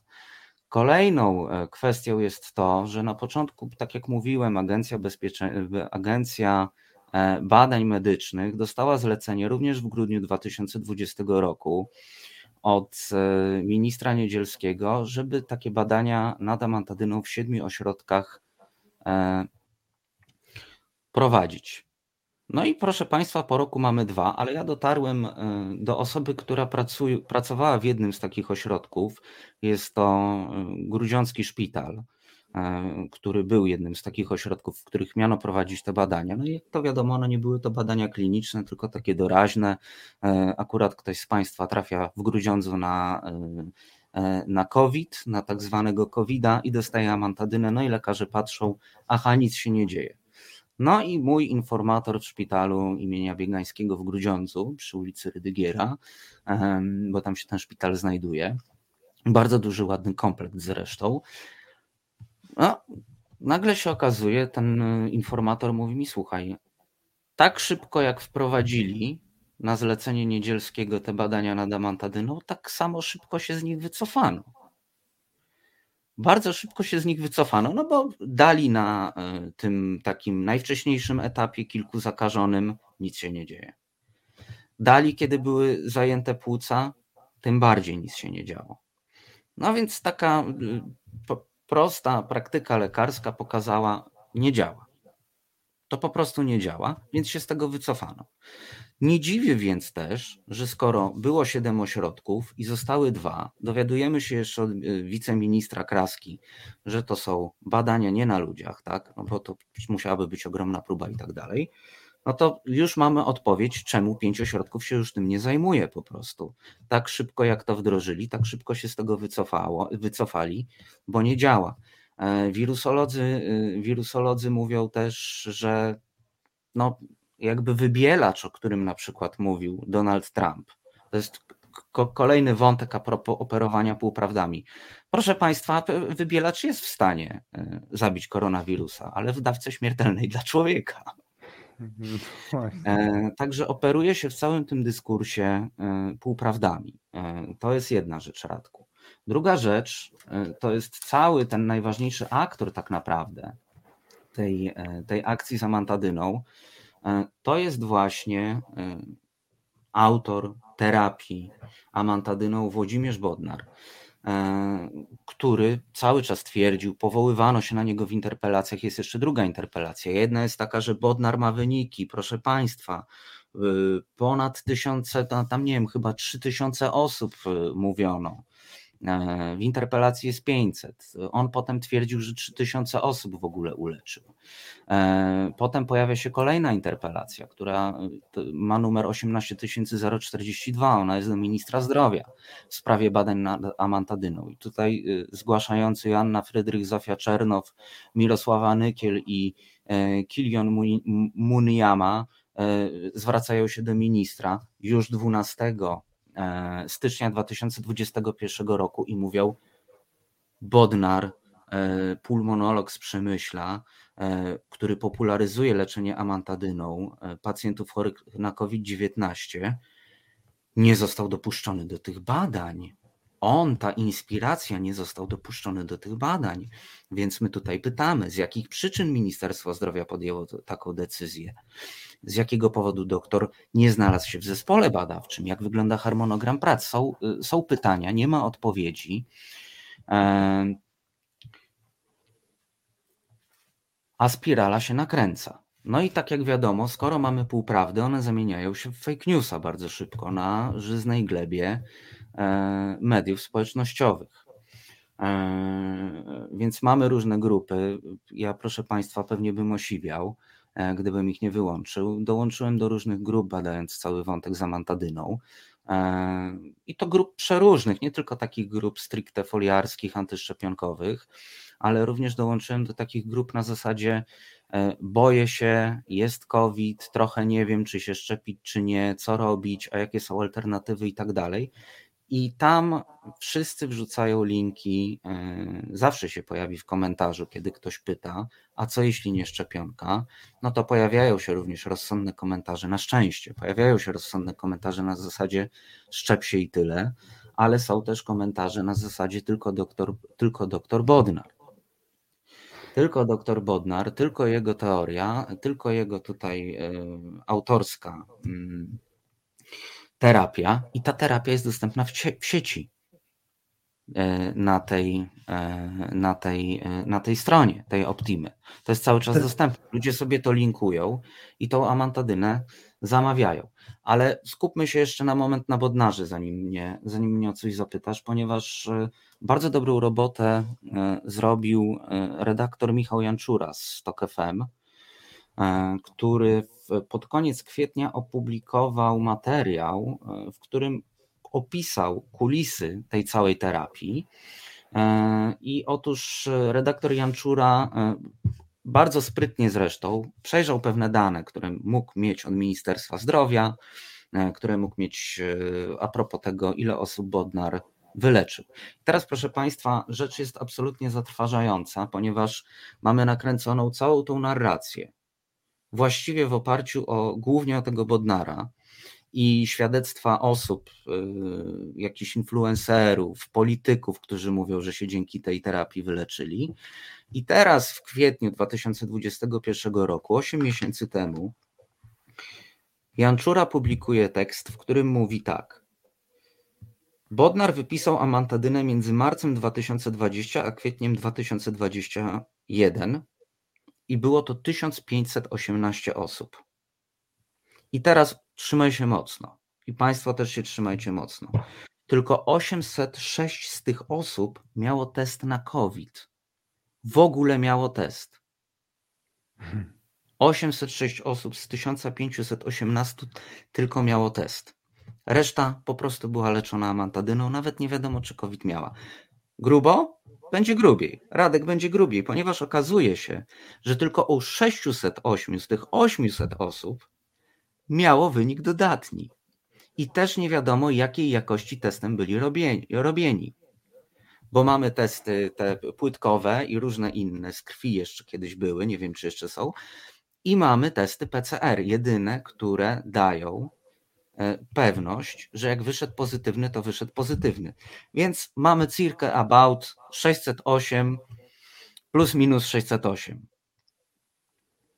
No to już, już można mieć poważne wątpliwości, bo ponieważ nie chcę wszystkim psuć, yy, psuć, że tak powiem, chcę zbudować napięcie, bo wiem, że będziesz też miał przecież program, yy, w którym będziesz mógł więcej na ten temat powiedzieć, ale na koniec yy, takie trochę podsumowujące dla Ciebie pytanie, jak Ty myślisz, czy ja dobrze rozumiem, że ty uważasz, że jeden po prostu lekarz e, dość e, sprytnie działający wylansował e, ten lek i wylansował siebie, a tak naprawdę no, wszystko się opiera na. No właściwie nie wiem, jak nie, jak to się stało, Korne, że dla wielu ludzi amantadyna jest tak Mm, tak traktowana jako jakiś niedoceniony lek, którego konkurencja nie chce wpuścić, jest jakiś genialny lekarz, a to wszystko się jakoś kupy nie trzyma, przynajmniej na ten moment. Wiesz, to jest wszystko pewne funkcjonowanie nas y, w takim chaosie dezinformacyjnym. I teraz powiem Ci taką rzecz. E, taką anegdotę. Ponieważ przeglądałem oczywiście też opinie na temat tej Optimy której leczy Bodnar i tam w tych opiniach oczywiście ludzie nawet piszą, że on zasługuje na Nagrodę Nobla. Ale e, więc no, Komisja Noblowska powinna zacząć przeglądać opinie Trust Advisora i, i, i, i Google Maps, ale e, o co chodzi? Opowiem ci, opowiem ci to tak. Znalazłem jedną taką opinię, gdzie kobieta mówi, że została wyleczona e, amantadyną przez Bodnara, ale tak, Testu nie miała. Mówi, że pięć dni była chora. E, w szóstym dniu dostała amantadynę i po 14 była cudownie uzdrowiona. Jest to wpis e, sprzed ponad roku, czyli prawdopodobnie kiedy mieliśmy e, gdzieś tam przełom pierwszej i drugiej fali, więc nie mieliśmy jeszcze tych mutacji wszelkich. No i tak pi razy oko, wiadomo, że są różne kwestie indywidualne, tak? E, no ale mniej więcej tak z tym COVID-em się 14 dni funkcjonuje, tak? Więc teraz masz zbitek pe pewnych informacji, kolejnych półprawd, tak? Nie była testowana, ale wydawało jej się, że ma COVID. Poszła do gościa, który może ją zbadał, może nie, bo z tego co Jan Czura ustalił, to równie dobrze mógł jej nie zbadać. Zapisał jej amantadyną i ona po 14 dniach była zdrowa. Równie dobrze mogła być chora na jakiegokolwiek innego wirusa, który po prostu w sezonie grypowym gdzieś panuje i po 14 dniach jej przeszło. I tu mi się przypomina anegdota, e, anegdota z młodości mojego ojca, który jest zresztą dzisiaj lekarzem, ale on miał takiego e, do domu, e, do, do dziadków przychodził taki lekarz rodzinny. Wiesz, torba lekarska ze słuchawkami, tymi wszystkimi młoteczkami i tak dalej. On przychodził do domu jak na przykład babcia, czy właśnie, nie wiem, brat ojca, ojciec by, byli chorzy, tak, na grypę, to ten pan doktor przychodził i mówił tak, bo to jest bardzo ważne dla funkcjonowania w tej dezinformacji, jak zmienił się też dyskurs. Po prostu, jak to, jak funkcjonujemy też w tej medykalizacji. Otóż o co chodzi? Przychodził kiedyś stary doktor do domu, do pani Wawrzyniakowej i mówił tak: Ma pani grypę, niech pani wypoczywa, leży pod kołdrą, a za 14 dni pani będzie zdrowa. Ewentualnie aspiryna na zbicie gorączki i wypoczywać dużo pić. W tym momencie, jak się przyjrzysz reklamom w telewizji, to wiesz, co widzisz. Że cudowny Gripex, Fairvex i tak dalej cię uleczy. Bo to jest tak sprzedawane. Nie jest to sprzedawane wprost, ale tak jest sprzedawane. Więc funkcjonujemy też w czymś takim, że mamy jakieś cudowne leki, a nie, że po prostu na przykład ta grypa Przechodzi. I tak mi się skojarzyło, jak zobaczyłem ten komentarz. E, nie wiem, czy to jest odpowiedź, która cię zadowala, ale wiesz, no jest duże zamieszanie, tak? Mieliśmy jeszcze zamieszanie a propos wywoływanego już tutaj wiceministra sprawiedliwości Marcina Warchoła, tak? Wszyscy się powoływali tydzień temu, czy tam dwa tygodnie temu, że e, Nature opublikowało wyniki. Okazało się, że nie Nature, tylko Communications Biology. Obydwa pisma należą oczywiście do tego samego wydawcy, który, żeby było śmieszniej, ma e, Nature też w nazwie, ten wydawca, tak? No ale to proszę Państwa, no to jest tak jakby mówić, że Ringer, Axel Springer i że e, Fakt, Onet y, i jeszcze kilka innych tytułów to jest jedno i to samo, tak? Jakby mówić, że, że ten, tak że dziennikarz faktu, kiedy to jest dziennikarz, nie wiem, dziennikarka Onet kobieta, tak? No to, to, mhm. to, już jest, to już jest pewna pomyłka. Tylko, że wiesz, żyjemy też w, w dosyć złożonym świecie, tego już zupełnie nie mamy, y, nie mamy obowiązku wiedzieć, nie mamy obowiązku się orientować, ale proszę Państwa, są różne są dosyć spore różnice, no bo o ile Radek czy ja możemy opublikować zarówno w przeglądzie w Resecie Obywatelskim Polityce, e, czy na łamach jakiegokolwiek innego tygodnika tekst, e, bo akurat ktoś go przyjmie, tak jeśli chodzi o czasopisma naukowe, to są takie rzeczy jak impact factor, czyli cytowalność, prestiż i tak dalej. Jest różnica, kiedy mamy Communications Biology, które istnieje około 3,5 roku, E, i ma i funkcjonuje głównie w internecie, tak? A mamy różnicę, kiedy wyniki badań publikuje Nature, e, które ma dużo bardziej restrykcyjne e, warunki publikowania rzeczy i nie może sobie pozwolić na tak zwane kocopoły. A kocopoły, proszę Państwa, były, ponieważ artykuł Communications Biology, który został opublikowany 1 grudnia 2021 roku, 9 grudnia, po tygodniu strasznych inp, E, jak to mówi młodzież, e, szczególnie lewicowa, po tygodniu strasznego rozgardiaszu wokół tego artykułu, e, zaczęło go zmieniać. Autorzy zaczęli zmieniać ten artykuł, zaczynając od tytułu, z którego wyrzucono, że amantadyna może mieć jakikolwiek, mm, że może mieć jakiś potencjał w leczeniu COVID, na to, że nie będę przytaczał dokładnie tytułu, ale tytuł, że jest potencjał w leczeniu COVID-u, zmieniono na jest potencjał do dalszych badań.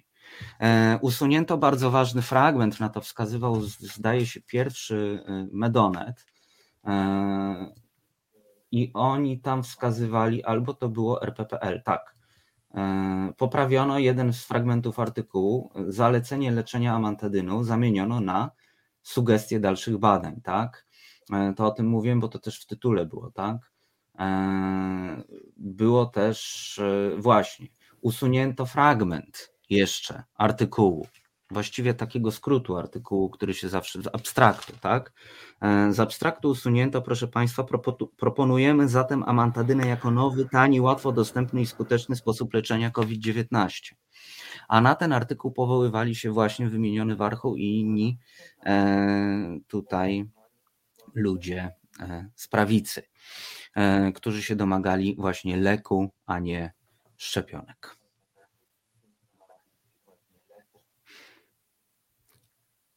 Także mówić o tym mogę jeszcze długo, ale chyba nie o to chodzi.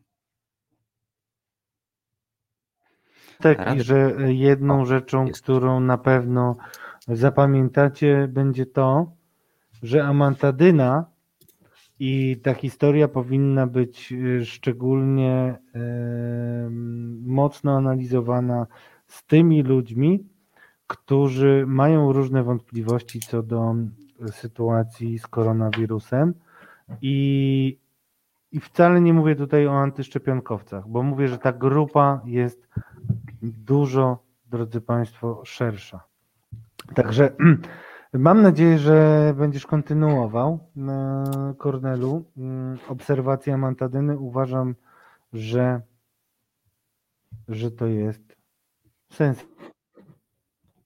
E, słyszę, widzę, że, że mamy jakieś małe zakłócenia. Mam nadzieję, że, że, że dobrze podsumowałem. W każdym razie jeszcze raz powiem dziękuję Ci Kornel za wizytę.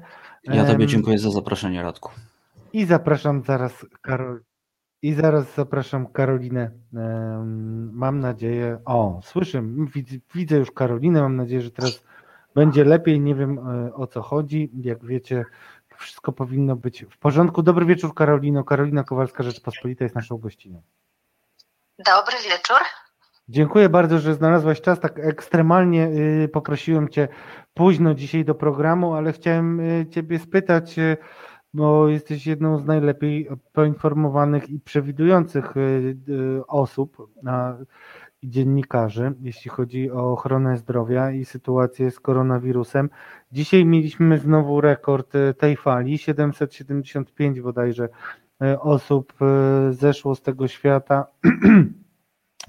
Czy ty y, myślisz, czy mamy powody, żeby sądzić, że te liczby będą rosnąć, czy jednak y, te dość symboliczne, ale jednak y, obostrzenia, które wprowadzono 15 grudnia, mogą przynieść jakiś spadek dynamiki, Twoim zdaniem? No mamy zaraz święta. Ja siedzę i czekam na wynik testu. Mam nadzieję, że tylko się przeziębiłem, ale wszystkich zachęcam do tego, żebyście testowali, bo jest to dość teraz łatwe do uzyskania. Karolino, czego możemy się spodziewać w tych y, najbliższych tygodniach, najbliższych dniach, bym powiedział, bo już końcówka roku, najbliższy tydzień i mamy już zaraz Sylwestra.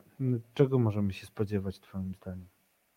Pytanie o to, czy te y, obostrzenia są wystarczające, to jak się znam pytanie retoryczne, słusznie, nie są wystarczające i oczywiście, że możemy się spodziewać zwiększenia tej liczby zgonów, e, to z pewnością. Ja bym chciała zacytować tutaj Małgorzatę Stolecką z medycyny praktycznej, e, wielką dziennikarkę, e, która zajmuje się ochroną zdrowia i ona napisała dzisiaj na Facebooku coś takiego, że domyślała się już, kiedy przed dziesiątą były takie przebąkiwania o tym, że dzisiaj będzie ponad, aż ponad 700 zakażeń, że tych zakażeń będzie znacznie więcej. Ona mm, tutaj przypuszcza, że po to e, wypuszczono taki niby, mm, tutaj puszczono e, e, parę z ust, że będzie ponad 700, żeby osłabić tak naprawdę wydźwięk tych ponad 700, 775, dobrze pamiętam, zakażeń, bo jak mówimy ponad 700, to można przypuszczać, że to jest 700 i trochę, tak naprawdę to jest prawie 800 i rzeczywiście dzięki temu sprytnemu zabiegowi PR-owemu udało się jakby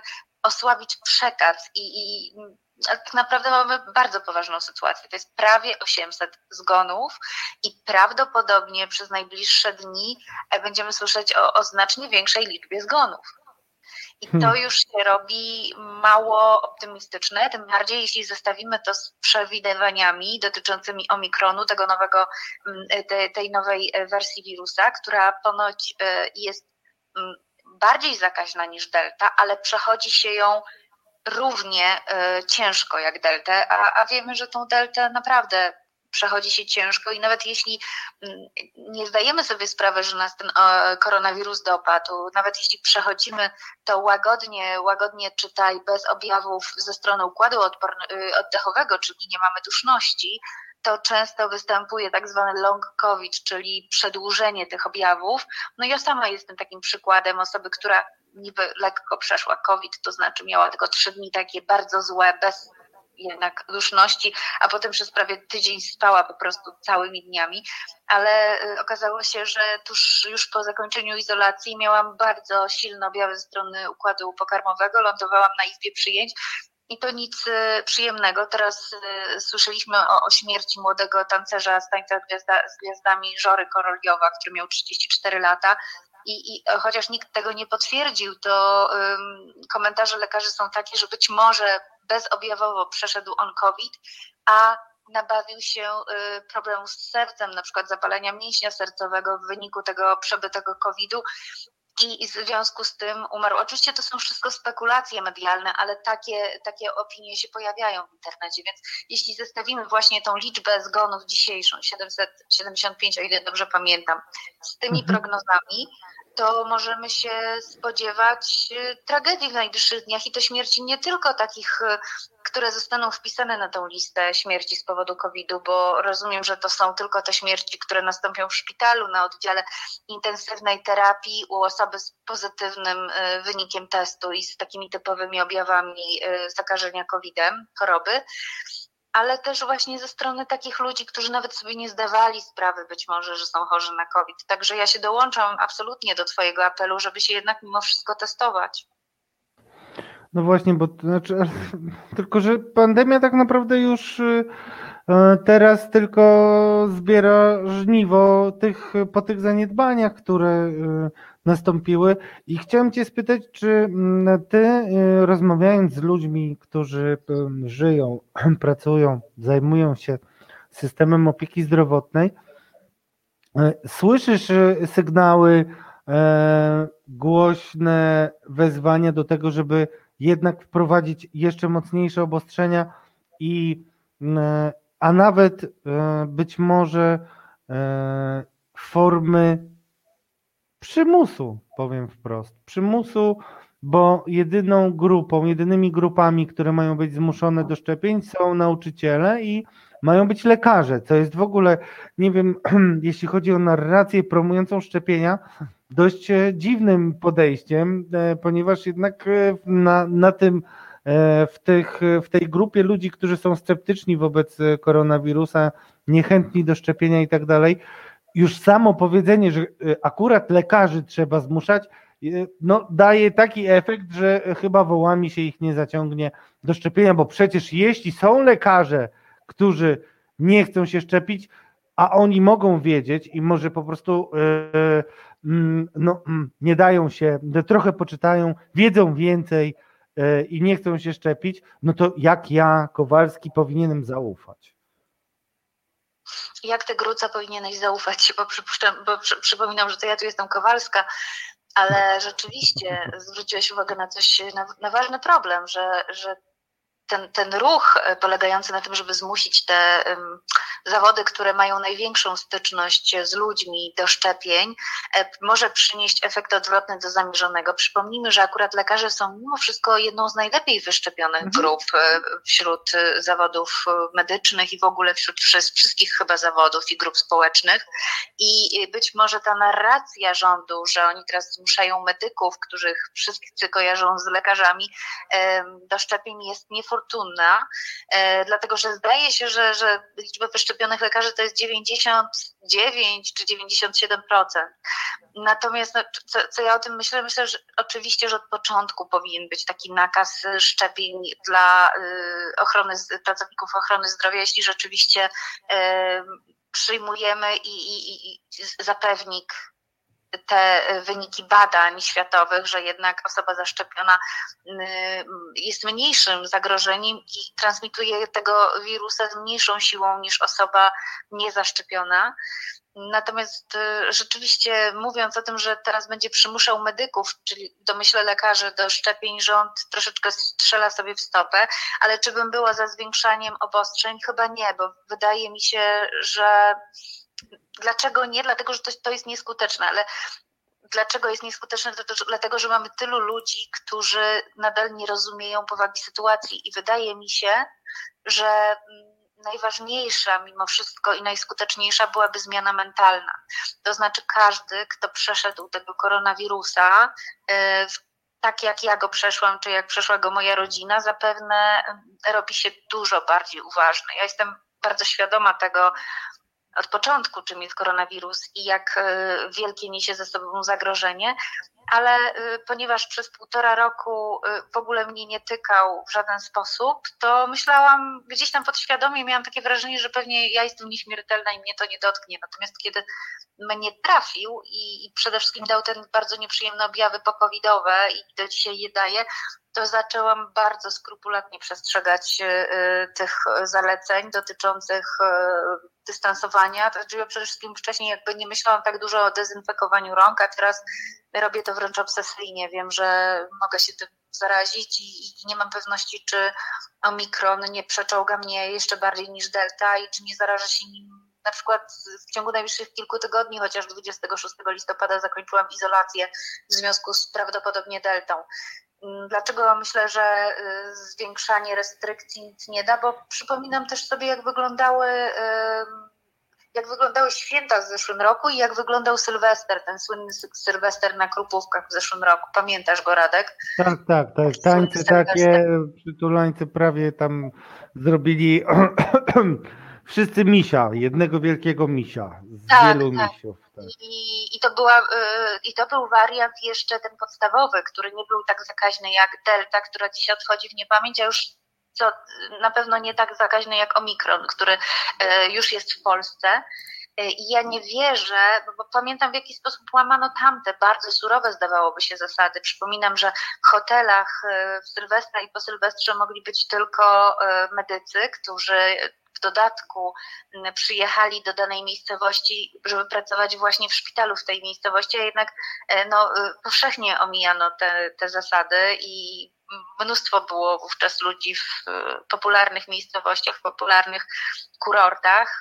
Gdzieś tam po prostu dawano pieniądze właścicielom hoteli no, nie, nie rozliczano ich oficjalnie, tylko z ręki do ręki. Ludzie nadal się bawili i było ich pełno na stokach, nawet próbowali forsować te pozamykane stoki. Oczywiście pewnie, gdyby zamknięto stoki narciarskie, to ludzie by się tam nie przedarli, aż tak się nie, nie, za, nie zarażali w tych kolejkach e, do wyciągu, ale myślę naprawdę, że tu musi się dokonać jakaś zmiana społeczna, mentalna, i niestety myślę, że ona się dokona siłą rzeczy, bo tych zgonów jest coraz więcej i prawdopodobnie, jeżeli ich jeszcze przybędzie, to statystycznie każdy będzie miał w swoim otoczeniu, nawet w swojej rodzinie kogoś, kto umarł z powodu COVID.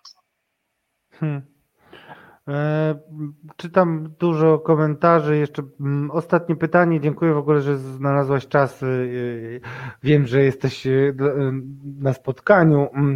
Mm, Paulina Krajewska napisała: Pracuję od stycznia na oddziale zakaźnym w szpitalu tymczasowym. Sytuacja między wiosną a obecnie e, jest dramatyczna.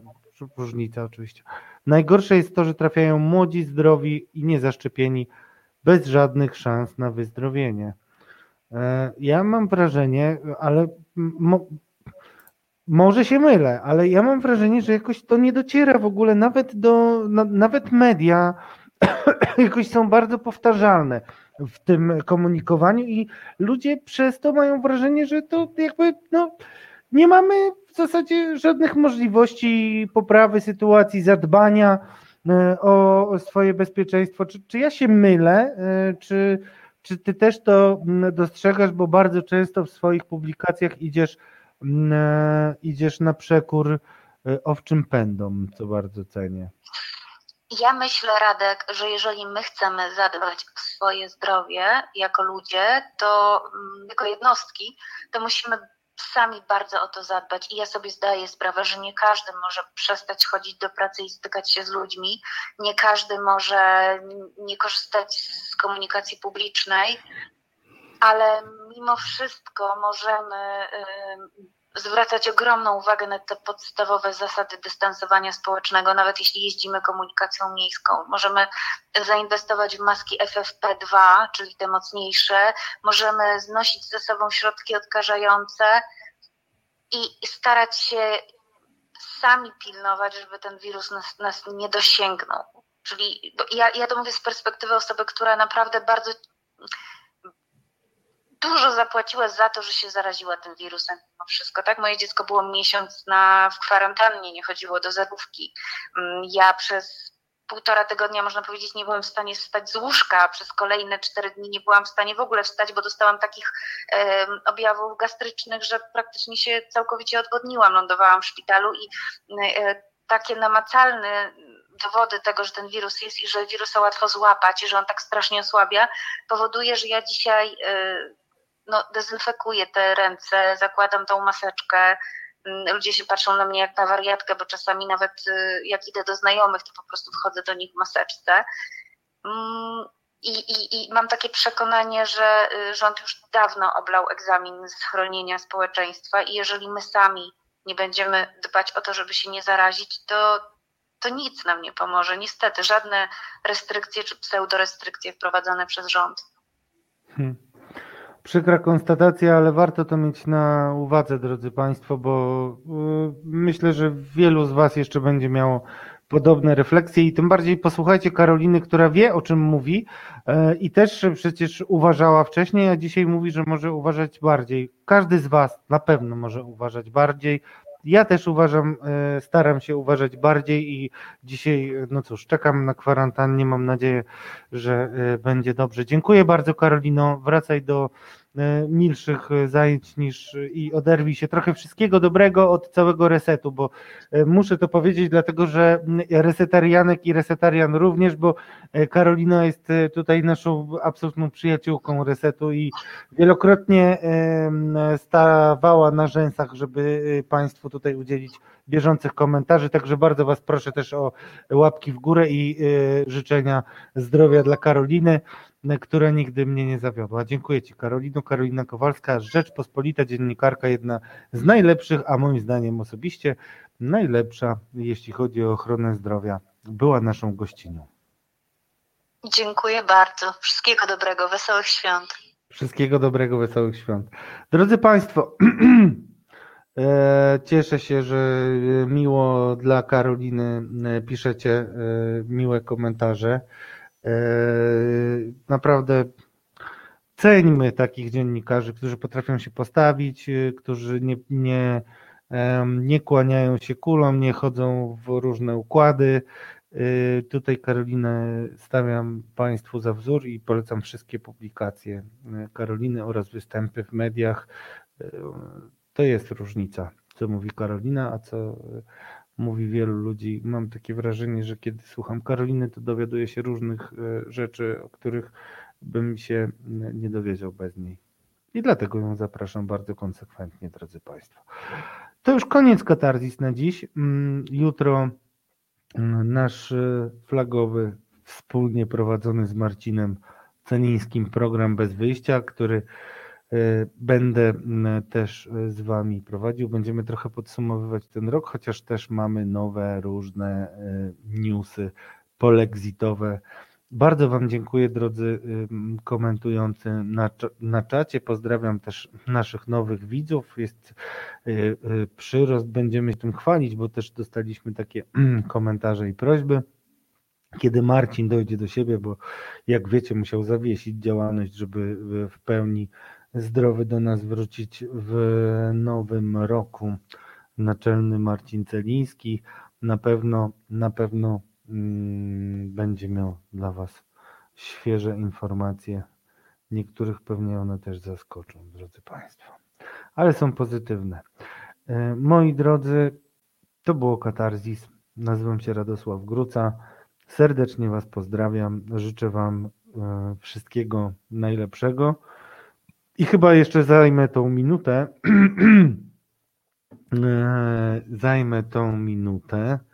Nie wiem, znowu Waldek prosi, żebym się odniósł do komentarzy, ale nie wiem, do, do jakich komentarzy Twoich, Waldemarze, drogi, miałbym się e, odnosić. No, czy, czytałem o Twoim kościele, czytałem dużo wątków, ale generalnie, drodzy Państwo, bardzo Was proszę, jeżeli macie jakieś konkretne pytanie, które chcecie zadać mnie czy gościowi, to po prostu sygnalizujcie to, bo y, do luźnych myśli trudno mi się odnosić.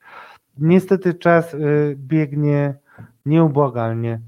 Y, chciałem wszystkim, przede wszystkim życzyć, żebyśmy znajdowali takich ludzi, z którymi umiemy rozmawiać nawet mimo tego, że się różnimy, żebyśmy nie oceniali wszystkich zbyt pochopnie, żebyśmy nie klasyfikowali ludzi i nie e, wprowadzali odpowiedzialności zbiorowej i przede wszystkim, żebyśmy e, znajdowali czas, żeby wysłuchać drugiego człowieka, bo wydaje mi się, że często jest tak, że nie potrafimy się zatrzymać w tym pędzie, a teraz mamy taki moment w historii naszego życia wyjątkowy, pandemię, e, który no, siłą rzeczy zmusza nas do pewnego zastanowienia się. I nie zmarnujmy tego, drodzy Państwo. Wszystkim Wam życzę zdrowia, miłości i życiu w zgodzie z samymi sobą. Dobranoc. Reset Obywatelski.